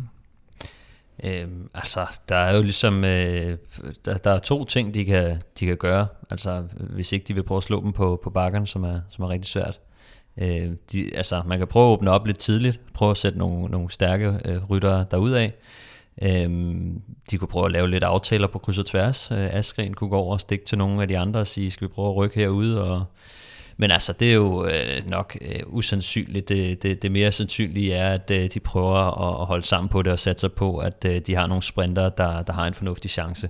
Kommer de ind i en spurt. Øh, så, så, så det er nok det, jeg, jeg tror mest på, at øh, de kommer med, med det tunge skyts af, af sprinter, og øh, de satser på, at øh, hvis, hvis vejrudsigten holder, så er der modvind op af, af Poggio, og så, øh, så bliver det lidt sværere for dem at, at køre væk der. Øh, men øh, de skal jo nok prøve, uanset. Så, men, men, øh, men, men, men tag lige den med det samme, fordi det er noget, som du pointerede i vores lille interne tråd, det er det der med, at der ser ud til, at der er modvind øh, op af Poggio. Hvad kommer det til at betyde? Jamen, det kommer jo til at betyde, at øh, det er lettere at sidde på, på, på hjul, øh, så det bliver sværere for dem at køre de andre ud af dæk. Og når de allerede ved, at øh, de, de, de, de vil angribe, øh, så, øh, så sidder de jo klar, øh, alle de andre, øh, og, og så bliver det bare sværere. Øh, man kan godt øh, komme med et øh, angreb i modvind, øh, hvis det kommer som en overraskelse, øh, og så få slået hullet, øh, og så sidder begge øh, parter i, i modvind, ikke? Øh, og, øh, og så skal man bruge nogle kilometer øh, for, at, for at køre dem ind igen. Øh, ret mange efterhånden. Hvis man skal køre dem ind igen, så skal det i hvert fald være over 100 km, ikke? Øh, men, øh, men det betyder rigtig meget. Altså hvis de, de ved, de angriber, der er modvind, så er det sværere for dem at, at køre dem ud af dæk. Hvis der er medvind, så, øh, så er vinden jo ikke rigtig en faktor. Så er det, så er det bare mand mod mand uden, øh, den, uden vind, og så, øh, så er det lidt nemmere for dem øh, at, at komme væk, fordi vi, vi formoder, at de er stærkere end de andre. Og så øh, lagde jeg mærke til, øh, da du gennemgik dine stjerner, Kim, og det har den opmærksomme lytter sikkert også lagt mærke til, at Mads P ikke var med, men det er der en god grund til. God grund til. Ja, det er han øh, i modsætning til Sagan faktisk øh, ikke er med. Jeg så lige, Sagan er, står på startlisten i hvert fald. Jeg ved, jeg ved ikke, om han kommer med, fordi han har jo selv sagt, at han er ikke, øh, han er ikke helt klar endnu efter, efter corona. Men øh, nej, Mads P., han, øh, jeg tror, han har, har vist også indset, at der er, der er tre gutter der, der, der bliver svære at slå, ikke? og som vi tidligere talte om, så han kører ikke så meget efter sekundære placeringer. Så, øh, så jeg tror, han... Men det kom da som lidt af en overraskelse. Altså i dag er, er onsdag, og jeg hørte det her i eftermiddag, at han lige pludselig ikke stillede op. Ja, det er også de, øh, de ændrer. Han stod også først på, på startlisten inde på, på Pro Cycling Stats, og nu, øh, nu er det så ikke, øh, nu er han så ikke på. Og det, men altså, det er jo det med, med der ligger noget, der hedder Flandern rundt, og Paris-Roubaix Mm. lige rundt om hjørnet, ikke? Og, og det er klart, hvis man skal, hvis man skal vælge sine kampe. Så, øh, Og det er noget, han selvfølgelig ser, ser frem til. Kort, en af dem, der ser frem til, til det her løb, og du, du nævnte ham også blandt favoritterne. Stefan, hvilke danskere har vi ellers med? Øh, jamen, vi har, øh, vi har faktisk delt med, nu er det ikke, øh, nu kan man sige, Askren er, er, er i hvert fald bekræftet øh, til start, og øh, Kort har vi jo så også øh, snakket med, så, så han er... Øh, Og Valgren talte jeg med i morges faktisk, og Ja. ja. han er klar, og han glæder sig sindssygt meget til at komme tilbage. Så må vi Ja. se, hvad han, har, hvad han har at skyde med. Jeg kan se, at Christoffer Juhl er også blevet bekræftet nu hos øh, Bike Exchange, Exchange, men der er kun tre hold, der har udtaget holdet officielt, og det er ja. Cofidis, det König Quickstep og Bike Exchange. øh, jeg har også, også hørt, at øh, Søren Krav og Kasper Pedersen øh, også kommer med, så, så dem forventer jeg også at se, og så øh, står øh, Emil Vinjeborg også øh, umiddelbart på, på startlisten, selvom øh, den ikke øh, er helt bekræftet, men... Nej, for Mads Wirtz står også på den, og det... Ja, han, han det ved vi, at han ikke skal det, ja, ikke? Så, øh, men, øh, så skal han ud og køre igen i hvert fald. altså ja, i bil. Ja. Uh, nu er han lige kørt fra Italien til Spanien, så han kører næppe uh, den modsatte vej, som han også fortalte i interviewet der, så er de næste opgaver for ham, det er de belgiske brostensløb. Uh, vi ved, det er onsdag som sagt, og der så kender vi altså ikke helt, hvad hedder det, startlisten endnu, så den må, den må vi vente med at se til, til, til fredag eller lørdag, når det bliver helt officielt. Til gengæld så skal vi have gang i et par spilforslag, øh, eller tre, og øh, traditionen tro, der ligger vi ud med øh, Velropas vinder, og hvad har I fundet til os der? Og lad mig lige i øvrigt rose dig, Kim, for i sidste uge, hvor du jo sagde, at der vil komme en dansk etappesejr i Paris-Nice. Det ja, det var faktisk forrige uge. Øh, det var forrige uge. Ja, og spørgsmålet er, om ikke det var Stefan faktisk, der valgte den, tror jeg. Det og det var en, det en, en, en, en, en, var det det? det var en dansk etape sig i Paris-Nice, men det var nok ikke den etape, vi havde regnet med, det skulle komme på. Nej, jeg havde nok troet, at det var sket lidt tidligere i løbet. Og det, ja. Vi, vi kiggede sådan på, på de første ja. øh, 4-5 etaper, og nu endte det altså med at blive på, på ja, hvad var det, 8. etape. At, Men at den her gang, der har vi så, øh, det er også Stefan, der har valgt den, kan jeg afsløre her, i dette lille sluttede forum. Øh, Van der Pol, som overraskende vinder af Milano Sanremo, men til 3,85. Ja, jeg synes, øh, jeg synes oddset gør det for mig her. Ja. Altså 3,85. Øh, vi har fået den boostet lige en lille smule, hvis mm. man finder den inde på, øh, på, på vores Velropa Special sektion inde hos oddset. Men det synes jeg bare er et, et fint odds. Det er et uforudsigeligt løb, men med den måde, han har kørt på, og, og den skarphed i finalen, altså den fart, han, han alligevel skyder, det, der synes jeg, at 3,85 lyder vanvittigt højt, ja, så godt. den slår kan, vi til på. Kan man få på dinometer? 3,85 på Mathieu van der Poel, det er, det, er, det er ganske voldsomt. Vi skal have fat i uh, Stefan Staltip. Har du noget endnu vildere til os der? Øh, desværre ikke. Altså, det er faktisk lidt et, et, et skuffende odds. Jeg ville gerne have haft en dansker i, i top 10, men den var simpelthen for fedtet. Så, øh, så vi er ude i en dansker i top 5, øh, og den, den får man til 2,65. Men, men var det før, det, var, altså det er nok et odds, der er lavet før de vidste, at Mads P. Sige, trak sig. Jeg vil sige, den er jo, def, den er jo lagt defensivt ud, fordi ja. at øh, vi ikke kender den endelige startliste, så jeg, jeg håber, at øh, vi kan få den hævet lidt, ja. øh, så når, når startlisten kommer ud, og øh, vi ser, at øh, Mads P. ikke kommer til start, fordi han er jo nok også en faktor her, så ja, må også... ikke den stiger lidt kort i top 5 er sgu ikke helt urealistisk. Men det er også, det er også primært derfor, ja. og så, øh, så vil jeg gerne have dækket mig lidt ind øh, med, med nogle af de andre danskere, øh, hvis, øh, hvis de kan lave noget, noget overraskende. Mange, altså, Søren Krav, øh, mange scener stå for Søren Krav. Søren Krav, han, øh, ja. han kunne godt være skarp hen over øh, Poggio og øh, sidde, sidde godt med der. så. Og så skal vi have øh, Plæstners podie. Ja, der, der synes jeg, der kan vi godt snakke fedteri, fordi... Jeg har ej, ej, jo... du, altså, inden, inden du begynder at snakke fedteri, ja. så kommer der lige en ros her, fordi ja. Du tog Mikkel Landa til ja. at komme på podiet øh, i Tirreno Adriatico til odds 4,40. Øh, og det lykkedes. Øh, det lykkedes så, med 5 sekunder eller sådan noget, tror jeg. Prøv at høre, den gik hjem. Ja. Vores podiet med Mikkel Landa, så det var super godt set. Så nu håber vi på, at du er inde i en stime. Ja. Jeg har sat så lidt på min, øh, min lille ballerini her. Øh, og, øh, og det var, det, det, jeg tror mest, det var fordi, jeg i starten af sæsonen sagde, da han, da han vandt de, de her par etaper, sagde, at han kunne godt gøre det godt i Milan mm. Sanremo. Nu er der så ved at være gået lidt tid, og, og de har lidt andre ting, de også skal satse på, og man så i, jeg tror det var Strate Bianche, hvordan han blev brugt som, som arbejdshund. Ikke? Så jeg begynder at tvivle lidt på den, men... Øh, det skal du ikke gøre. Odds 5,5, det synes jeg alligevel er lidt fedtet. Det, er det fedtet? I top 3. Ja, det kunne godt have givet 5. Det godt have givet lidt mere. 10-15 vi, vi, stykker, vi, vi presser, vi presser lidt og får, får de her odds op. Men altså David Ballerini øh, fra det kønne Quickstep i top 3 i Milano Sanremo boostet til odds 5,5. Og der har du altså de tre spiltip. Øh, Mathieu van der Poel vinder Milano Sanremo boostet til odds 3,85. En dansker i top 5 boostet til odds 2,65. Og så altså Ballerini i top 3 boostet til odds 5,5. Det var spiltips. Bragt i samarbejde med oddset fra Dansk Spil. Nu skal vi så til det allervigtigste i dag, nemlig vi skal have fundet vinderen i quizzen, altså i hvert fald i dagens udgave. Og øh, jeg gav et stykke papir lidt tidligere og bad mm. om at skrive øh, tre navne op, øh, nemlig navne på de tre ryttere, der har vundet Paris-Nice tre år i træk. Øhm, jeg vil give jer en lille hint, og det er, at det er tre forskellige nationer, altså ryttere fra tre forskellige nationer, der har vundet. Det skulle du have sagt, inden vi skrev det ned jo. Det har han sagt. Ja, så jeg sagde det faktisk off, off air. Så, øh, ja, det, men det er bare lige lidt info til, til lytterne. Jeg tager lige lytterne med. Altså, det, Ja, det, det, er noget, det er noget, som du ikke er så god til Ja, men generelt. Du, du er, Der du er, jeg du lige er, hånden. Ja, men det er rigtigt. Du, du, lytter, du er lytternes mand. Det er du. Nå, øh, Stefan, du har serveretten, så du får lov til at øh, lægge ud. Tre bud. Ja. Og skal jeg komme med alle tre? Ja, så skal du komme med tre. Altså de tre, du har skrevet op.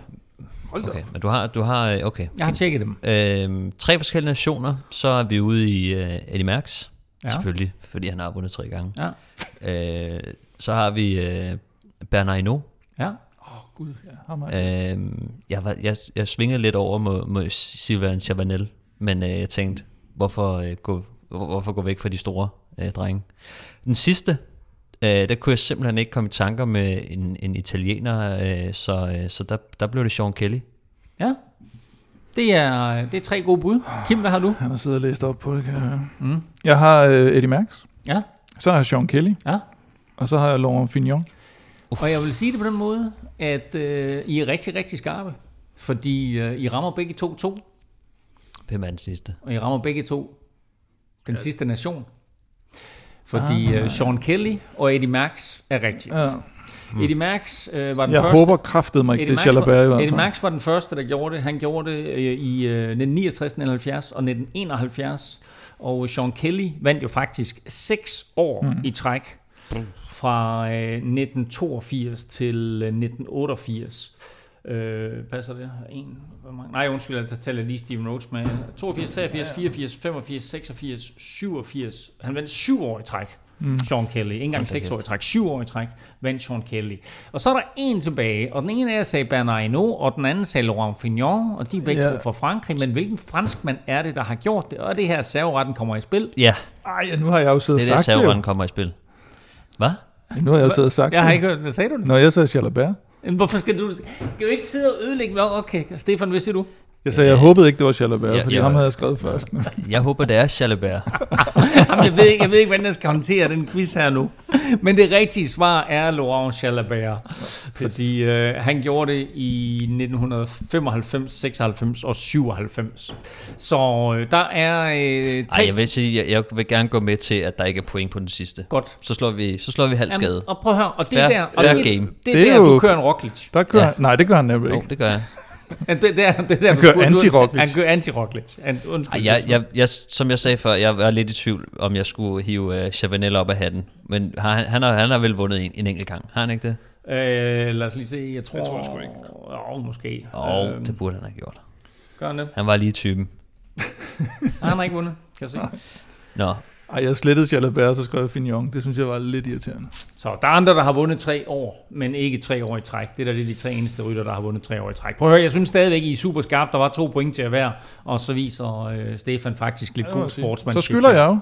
Så dermed øh, 9-9 i quizzen indtil videre, og så Uha. lykkedes det os jo faktisk ikke at finde en vinder i quizzen i dag, på trods af, at jeg øh, næsten lovede det. Vi er øh, tilbage i næste uge, hvor vi kigger frem mod E3 Harlebække, der har skiftet navn til E3 Saxo Bank Classic, og så naturligvis med opfølgning på Milano Sanremo, Øh, og så i øvrigt også et øh, længere interview med, Længere øh, interview. med Jesper Skiby, så det glæder jeg mig rigtig, rigtig meget til, og det kan du også godt glæde dig til. Apropos øh, Milano Sanremo og den her italienske forårsbebuder, så tjek lige vores Poggio t-shirt og trøjer på shopvelropa.dk. Vi er øh, som sagt tilbage i næste uge. Indtil da, der kan du følge Velropa og Kim på Facebook, Twitter og Instagram. Det sker på Snablag Velropa. Stefan finder du på Twitter på Snablag Stefan Djurhus. Og undertegnet finder du på Insta og Face på Snablag NFLming. Og igen nu også på Twitter på øh, Snablag NFLming. Så vær sød og øh, gå ind og følg mig der. Og øh, så fungerer vores Zetland-tilbud altså stadigvæk, så det kan du lige nå at benytte dig af, og det ligger på zetland.dk-velropa. Tak for nu. Tak fordi du lyttede med. Tak til dig, der støtter på tier.dk og vores partner BookBeat og Odds fra Danske Spil. Støt dem, de støtter os. Arrivederci.